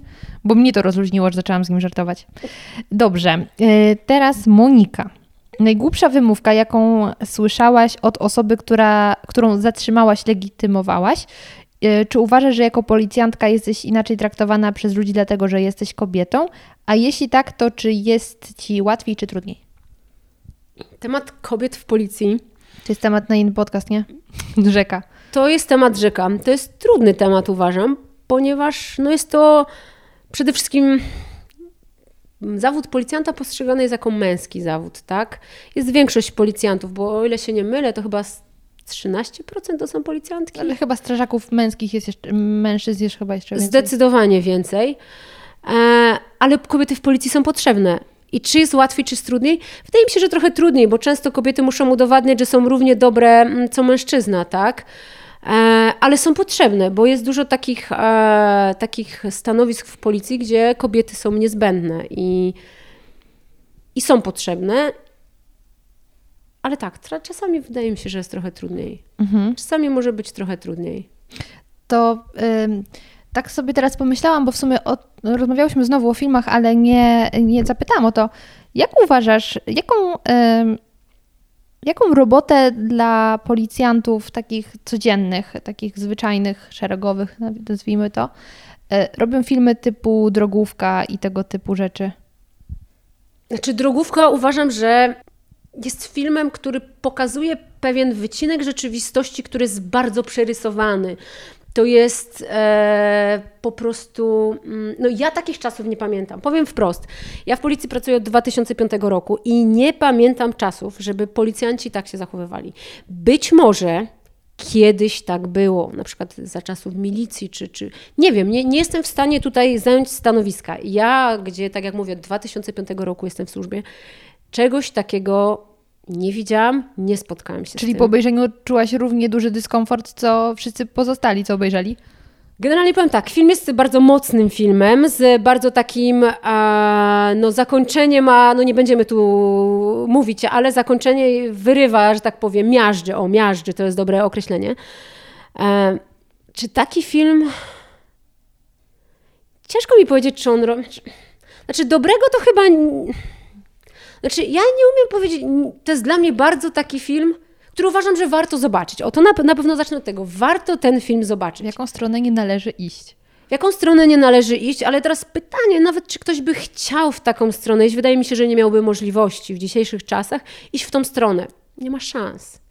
E, jednak e, policja w pewnym, w pewnych aspektach to jest korporacja. Żadna korporacja sobie nie pozwoli na coś takiego. Nie ma takiej możliwości. Nie wyobrażam sobie policjanta, który chciałby w to iść i by mu się to udało. Mhm. No nie, nie. Tak jak sobie myślę. A nie uważasz, że właśnie w tego typu filmach policjantki są w bardzo przerysowany sposób przedstawiane?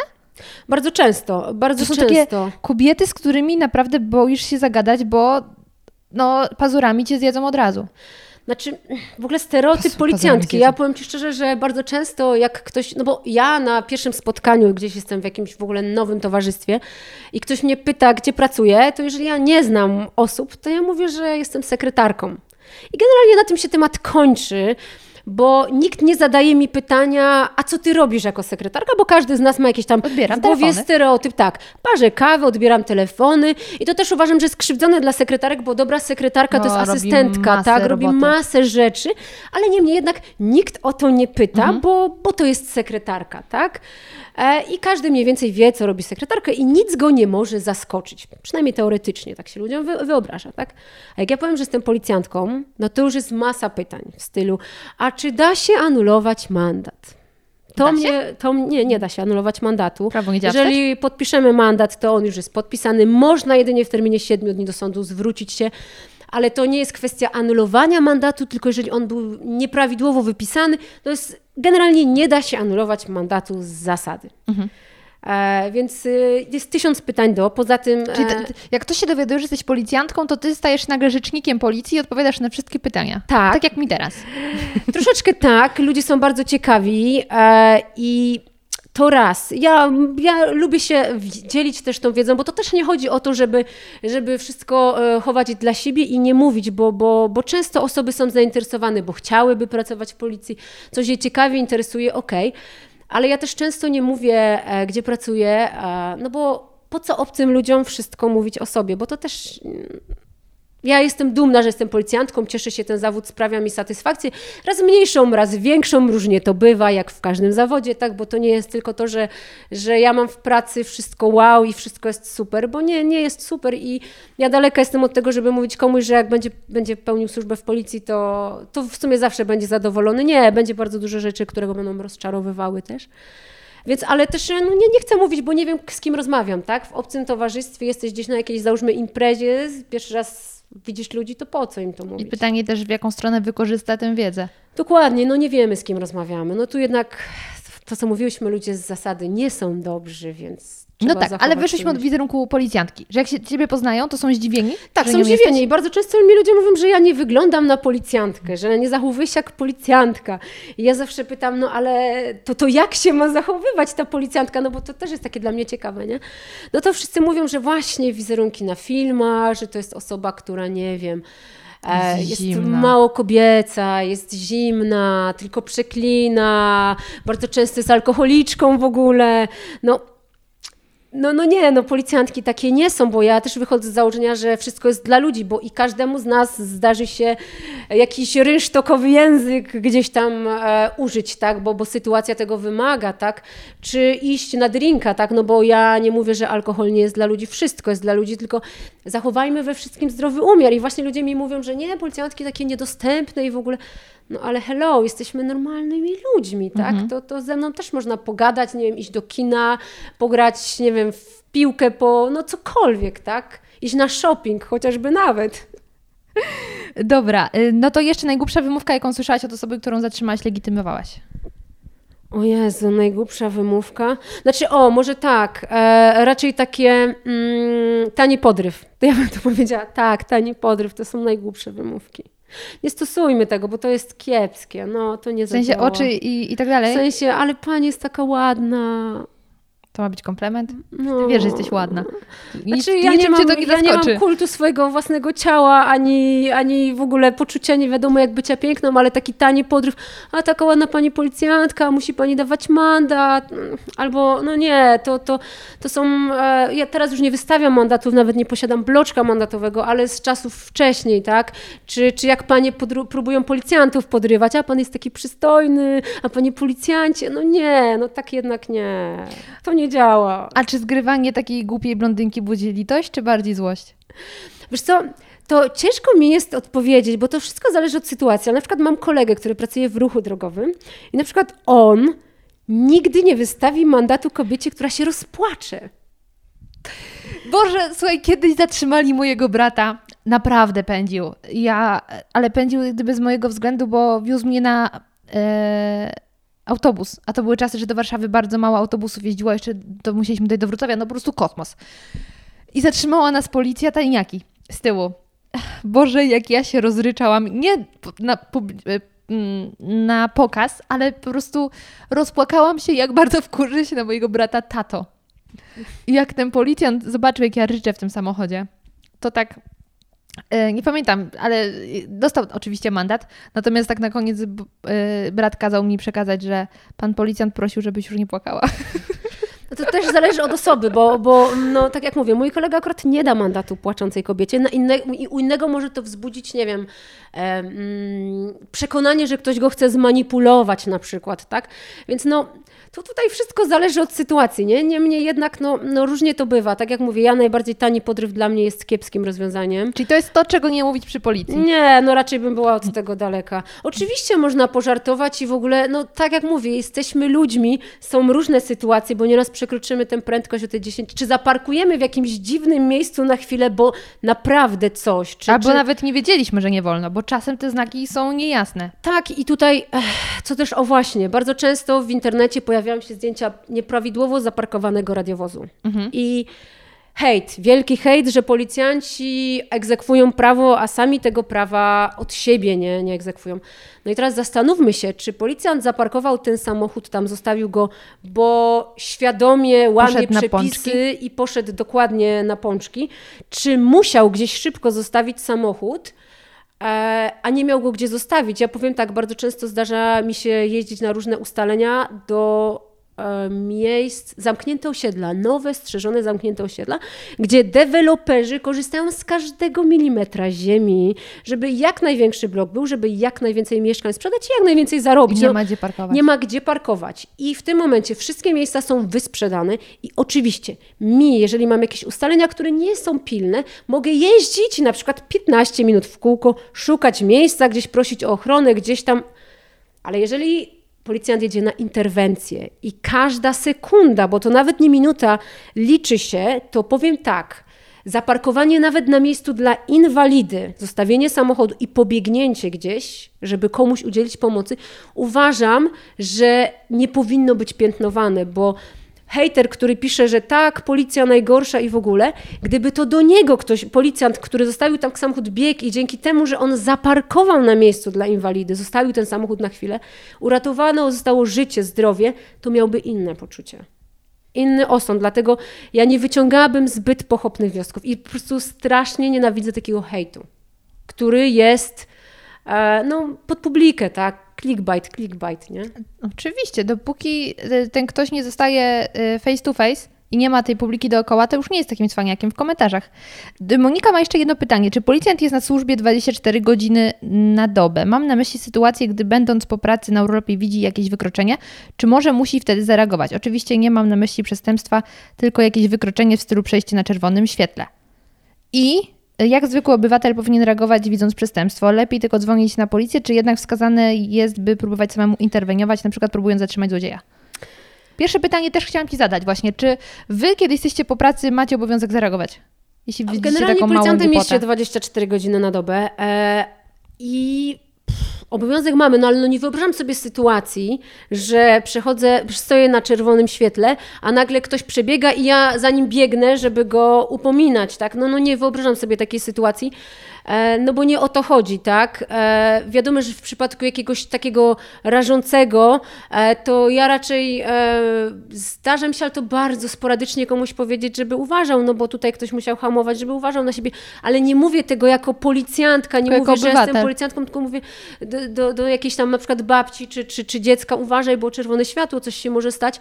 Raczej jako tak w trosce, nie, nie zdarzyło mi się, żebym ja komuś na czerwonym świetle wyciągnęła legitymację i chciała go Nie, broń Boże, nie, nie robię czegoś takiego.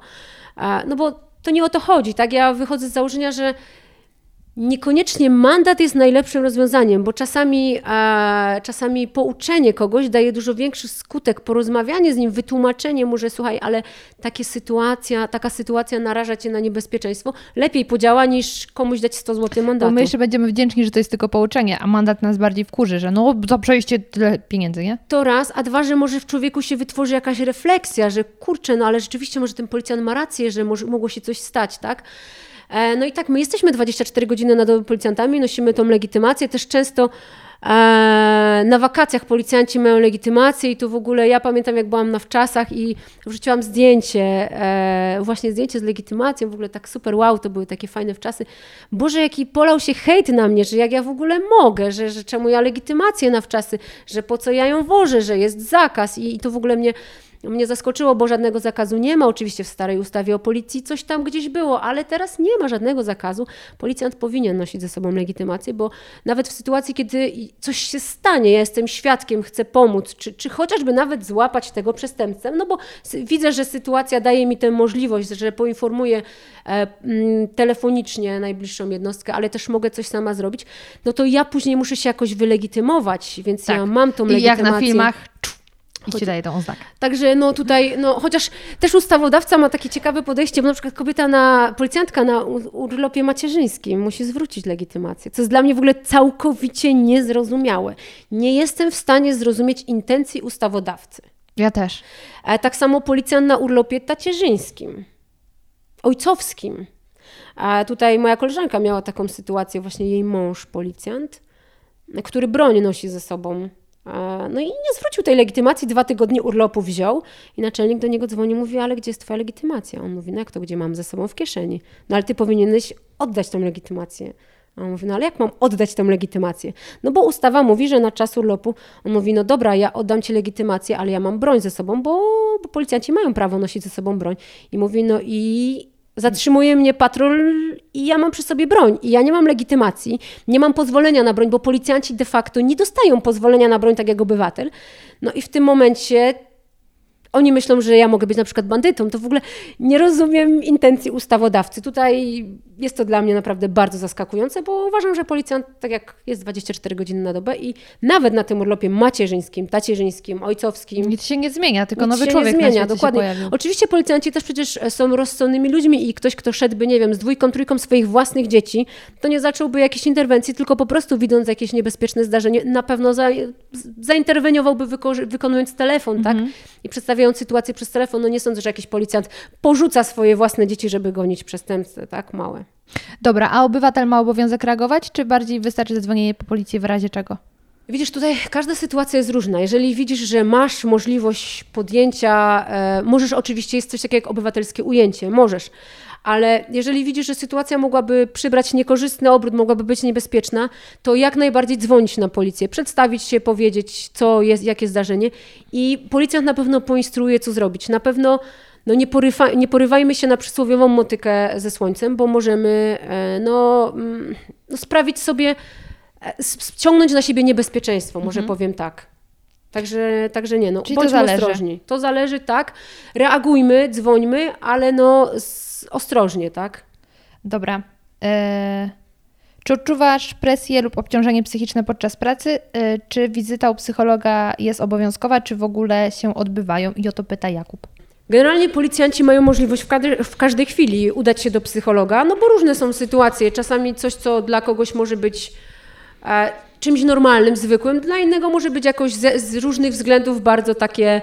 E, obciążające obciążające i tak mamy możliwość e, udania się do psychologa. W każdej jednostce jest psycholog w komendach wojewódzkich. Mm, dodatkowo po użyciu broni palnej przez policjanta, to z tego co kojarzę, to jest oblik. E, trzeba tak. Po każdym użyciu? Nawet takim ostrzegawczym, dajmy na to? Wydaje mi się, że tak. Nie chcę tutaj w 100% mówić, e, ale tak, e, trzeba wtedy porozmawiać z, polic- z, psychologiem policyjnym. Ciekawe. No tak, no bo to jednak w Polsce rzadko używamy tą broń. Na szczęście, tak nie ma te, tej broni tak dużo, nie ma tych wypadków, tych strzelanin, policjant tylu, policjantów nie ginie tylu, co na przykład w Stanach Zjednoczonych, więc no jest to wydarzenie nadzwyczajne, więc, więc pewnie dlatego. Okej. Okay. E, Kamil pyta, chciałbym się dowiedzieć, czy dziś w Polsce są nadal seryjni zabójcy podobni do tych z lat, z tych z czasów PRL-u, czy może takie informacje nie są podawane do publicznej wiadomości, aby nie wzbudzać paniki wśród ludzi? Oraz czy miałaś styczność z głównymi medialnymi sprawami i jak tak, to jakimi? Myślę, że jeśli jakimiś miałaś, to raczej nie powiesz jakimi. Tak, miałam, cza, miałam taki czas, że pracowałam w takim wydziale, że w sumie odpalałam TVN24 rano i mniej więcej wiedziałam, co będę robić. Także tak, był taki czas. Ale no nie, nie będę na ten temat rozmawiać. Większość z tych spraw już jest zakończona w sądzie. Pyton prawo, jak nic. Prawomocnymi wyrokami, e, ale no nie, nie będziemy na ten temat no rozmawiać jasne. niestety. E, ale to była praca strasznie, powiem szczerze, że no, bardzo obciążająca i czasowo, oj nie, to, to, to naprawdę no, trochę przypominało film czasami, tak, mhm. to, to można byłoby nakręcić film. E, a co do tych seryjnych zabójców, no to jest dobre pytanie, bo tych seryjnych zabójców w ogóle w Polsce nie było dużo, literatura coś tam wspomina. Powiem tak, być może jacyś są i na przykład nie wiemy jeszcze o tym, bo tego nie możemy wykluczyć. Mm, W Polsce też nie ma nie wiadomo ilu zabójstw. No, ja mam nadzieję, że nie ma takich e, seryjnych e, zabójców, takich e, jak jesteśmy przyzwyczajeni w filmach, czy jakiś Ted Bundy. Ale też nawet powiem Ci, podcasty kryminalne cieszą się dużym zainteresowaniem. Zresztą mój znajomy ma takie kryminatorium. Niediegetycznie, tak, uwielbiam go. No, e, pozdrawiamy Cię Marcin bardzo serdecznie. E, I on właśnie robi te sprawy. I ja parę ich, tych podcastów wysłuchałam, a stwierdziłam później, a po cholerę ja to słucham. Teraz się będę bała wychodzić z domu, nie słucham tego więcej. Bo on jest genialny w tym, co robi. E, Jak usłyszałam podcast o tym, jak została wyrzucona dziewczyna z pociągu, który jechał e, koło brzeg Warszawa przez Toruń, a ja jeżdżę na studia do Torunia, stwierdziłam, a, a więcej nie słucham. Znaczy nie, ja uważam, że dobrze, że on takie rzeczy publikuje, jak Super, najbardziej. ale ja mam za słabe nerwy. E, mi się wydaje, że mm, grupa odbiorców to przede wszystkim osoby, które ciekawie zbrodnia, takie, takie zagadki kryminalne, ale też warto e, słuchać tego, żeby być ostrożnym, wiesz? na pewno. To naprawdę ma duży wydźwięk edukacyjny moim zdaniem, bo Większość z nas uważa, że ludzie są dobrzy. Skoro wychodzisz z założenia, że ja jestem dobra, pomagam ludziom, to ludzie tacy sami będą. Mm. No nie, niestety nie. I ja jestem bardzo, ale to bardzo ostrożna. Życie mnie tego nauczyło. No, ja, ja też mam duże takie poczucie y, właśnie, że wolę chuchać na zimne i nie pchać się w kłopoty. Nie, nie mam takiego podejścia kamikadze. Y, ale rzeczywiście tak, y, jeśli jeszcze chodzi o ten podcast, to wiele z tych spraw jest to temat starych y, tych y, zabójców seryjnych. Znaczy generalnie no ciężko mówić o aktualnych sprawach, tak? No bo nie możemy, tak? Bo te A też nie są słyszymy w, sądzie. w mediach jednak o tym, że jest kilka morderstw i się kogoś szuka. A na szczęście chyba nie ma teraz, no nie powiem ze stuprocentową pewnością sprawy takiej w Polsce, żeby nagle, załóżmy, nie wiem, e, jakieś tam, nie wiem, e, kilkuletnie dzieci w różnych częściach kraju o tej samej, nie wiem, anatomii, fizjonomii e, zostały, nie wiem, porywane, mordowane. No nie. Naprawdę, aktualnie najbardziej boimy się przestępczości pospolitej. Czyli, żeby bezpiecznie wrócić do domu, żeby nikt mi nie przebił opon w samochodzie. No tak jak mówię, nie boimy się takich przestępstw, takich z grubej rury. Duży kaliber. Dobra. Ym, dlaczego policja ma tak słabe zaufanie publiczne? Czemu nadal tak często słyszymy o przekroczeniu uprawnień przez policjantów? Chyba to o tym rozmawiałyśmy. Słyszymy o przekroczeniu uprawnień przez policjantów, bo to jest rozdmuchiwane i nagłaśniane. Tak mało się mówi o tym, że policjant na przykład komuś pomógł i wykrył jakieś przestępstwo, czy, czy zapobiegł. O, to już w ogóle się chyba nie mówi, że zapobiegł, bo, bo nikt z nas nie mówi, że dzięki temu, że policjant poszedł do przedszkola i z dziećmi rozmawiał, to na przykład to dziecko było ostrożne i nie podeszło z nieznajomym. Nikt tego nie mówi. Ale też wydaje mi się, niewiele się mówi o e, sprawach, które zostały wyłapane, zanim jakieś były większe akcje, żeby nie siać e, w ogóle popłochu w społeczeństwie. I tego media nie mówią o tym, że zostało coś wyłapane w zarodku. A, No tego media nie mówią i tak naprawdę ja u siebie na kanale trochę o uprowadzeniach, tam jest filmik, też mówię jak się takim, takim rzeczom, e, jak być ostrożnym w takich kwestiach, także no niestety dlatego się słyszy o przekroczeniu uprawnień, bo to się sprzedaje, to jest clickbaitowe, a jeżeli ktoś powie, że policjant był w przedszkolu i dzieci dzięki temu są bezpieczniejsze, wiedzą, że nie należy iść z obcym dla cukierków czy dla czegoś, czy, czy jakieś unikają zagrożeń, no nikt o tym nie powie, niestety. Dobra. Krzysztof, co Cię najbardziej rozczarowało w tej pracy w porównaniu z wyobrażeniami, jakie miałaś przed rozpoczęciem służby? No i czy kiedyś strzelałaś z dwóch pistoletów naraz, jednocześnie lecąc w powietrzu? O, chciałabym chyba, tak, chciałabym chyba tak strzelać. Nie, nie strzelałam, a szkoda. Chociaż powiem szczerze, że całkiem, ja raz w miesiącu mogę na strzelnicę jeździć, nie ma u mnie w jednostce. A lubisz strzelać? Tak, lubię strzelać, to jest, tak, to jest naprawdę fajny sport. Ja bym powiedziała, że sport i mm, lubię chodzić na strzelnicę, ponieważ Na szczęście nigdy nie musiałam strzelać do człowieka i jeżeli ktoś by chciał mi czegoś życzyć w służbie, to tego, żebym nigdy nie musiała strzelać do człowieka. Naprawdę to są najlepsze życzenia, które jako policjantka e, mogłabym usłyszeć. No i to z dwoma pistoletami w ogóle wow, nie? To mogłoby być fajne. To Krzysztof. Krzysztof ma poczucie fantazji, A naprawdę. co do e, tego, co mnie rozczarowało, to, to przede wszystkim ilość papierologii i biurokracji. Tak. O tak, no to nawet Uważam, składając te moje zeznania jest widziałam. za duża i policjanci bardzo dużo czasu tracą. Użyłabym stwierdzenia, że tracą na papiery, gdzie mogliby zająć się e, kontaktem z obywatelem, o może Mhm. tak powiem. No. Yy, Malwina. Po pierwsze ubiór, kwestia upalnej pogody. Mundur to mundur, yy, nie można się rozebrać, a jednak wysoka lipcowa temperatura nie jest łaskawa. Czy upalne miesiące należą do tego, z tego powodu do uciążliwych, jak w kwestii glanów? E, Buty, które mają policjanci, tak, no one wyglądają jak glany, ale to nie są takie typowe glany, e, ja- jak, jak mamy. Te buty są super. Te buty są mega drogie, ale no nie będę tutaj marek wymieniać, ale są buty, które no kosztują ładnych parę stów pod tysiaka, ale naprawdę stopa się w nich nie poci. Są mega wygodne i powiem tak, no gdyby nie to, że tak słabo mi do jeansów pasują, to ja bym też i w takich mogła latem chodzić, więc nie ma problemu. Mundur e, jest krótki rękawek, zakładamy krótki rękaw. No spodnie, ten pas, broń, to wszystko, to, to jest troszeczkę, no no nie jest to wygodne i jednak e, może człowiek się bardziej pocić, tak jak jest e, pełno ma e, oprzyrządowania na pasie. Niemniej jednak nie ma problemu z butami. Naprawdę w dzisiejszych czasach obuwie to jest wow. Y, druga rzecz, z punktu widzenia osoby pracującej z zabiórka, praca policjanta to ciągłe wyzwania i żaden dzień nie wygląda tak samo. Ile w tym prawdy? Czy podczas patrolu gada się z partnerem tak jak na przerwie w biurze o czymkolwiek, czy po powrocie z takiego patrolu zdaje się raport z tego, co się robiło? Tak, policjanci mają notatniki służbowe, gdzie muszą wpisywać, co robili. Więc na przykład, jeżeli jedziemy na włamanie, to piszemy, że jedziemy na adres taki i taki, robiliśmy tam takie, takie i takie czynności, że na przykład legitymowaliśmy Kowalskiego, piszemy gdzie. E, więc tak, e, może to zdaje się raport. No, generalnie w notatniku jest napisane wszystko, co robiliśmy, tak? Mhm. Więc, więc no, nie potrzeba jakiegoś dodatkowego raportu. Jeżeli jakaś była sytuacja nadzwyczajna, to jak najbardziej się ją dyskutuje z przełożonym, no bo o pewnych rzeczach trzeba poinformować, bo mogą one być kontynuowane w jakiś tam sposób.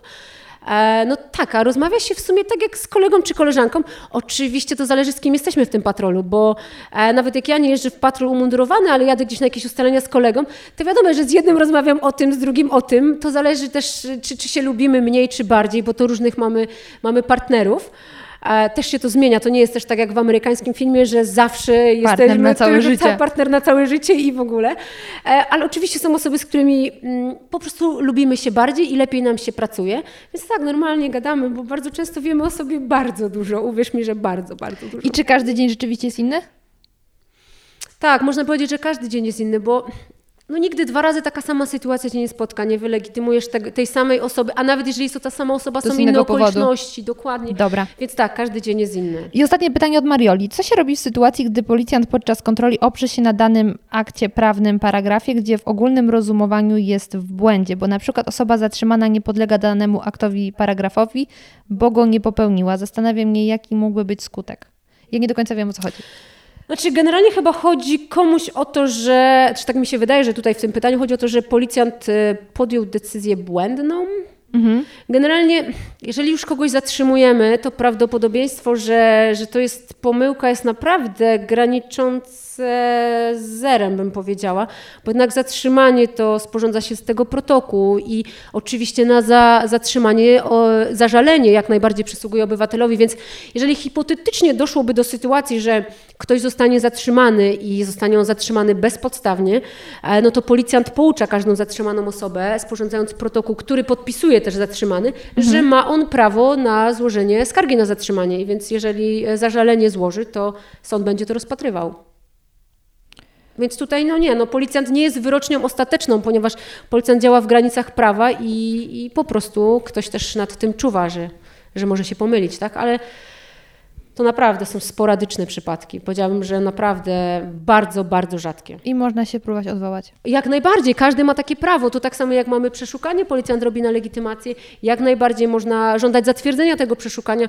Tutaj naprawdę wydaje mi się, że w takiej sytuacji, jeżeli ktoś ma wątpliwość, to ja, jeżeli miałabym coś radzić, to po prostu e, jak najbardziej spokojnie zachowywać się, nie, nie być agresywnym, to na pewno, tylko po prostu zgodnie z pouczeniem złożyć później zażalenie. Moja droga, bardzo chcia, chciałam Ci podziękować za tę rozmowę, bo powiem Ci, że ja często jak tylko, nie wiem, widziałam radiowóz stojący przy drodze albo mijałam policjanta, policjanta, to miałam takie poczucie, Boże, on na pewno zaraz znajdzie na mnie paragraf i na pewno zrobiłam coś złego.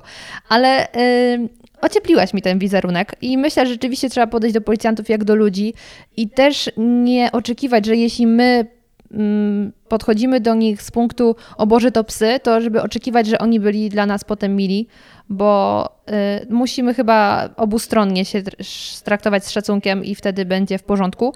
I życzę Ci, żebyś nigdy nie musiała strzelać y, do człowieka i wracała bezpiecznie z każdej akcji. Serdecznie dziękuję, było mi bardzo miło z Tobą porozmawiać.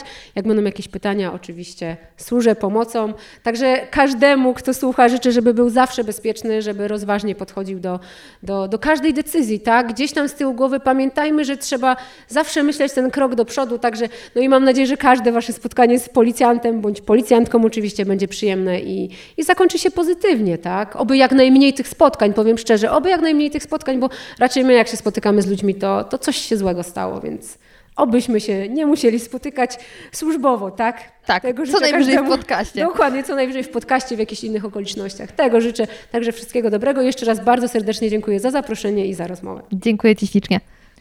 I jak wrażenia? Jestem bardzo ciekawa, czy po wysłuchaniu tego podcastu nieco inaczej spojrzycie na policjantów i na przykład, kiedy następnym razem zatrzymają Was do kontroli drogowej, to będziecie próbowali z nimi żartować. Mam nadzieję, że dowiedzieliście się wielu interesujących rzeczy, a jeśli Wasza ciekawość dopiero teraz została wzbudzona, to gorąco zachęcam Was do odwiedzenia zarówno Facebooka, jak i kanału na YouTubie z pamiętnika policjantki, y, na których to usłyszycie o wiele więcej zaskakujących, fascynujących informacji, także warto zajrzeć. E, i dowiedzieć się czegoś więcej. Ja natomiast zachęcam Was bardzo gorąco do tego, żebyście pozostali ze mną w kontakcie, czy to śledząc podcast na Facebooku, czy też śledząc mnie na Instagramie. Chociaż e, śledzenie jest chyba i stalking nielegalne, także bardziej zachęcam do obserwowania.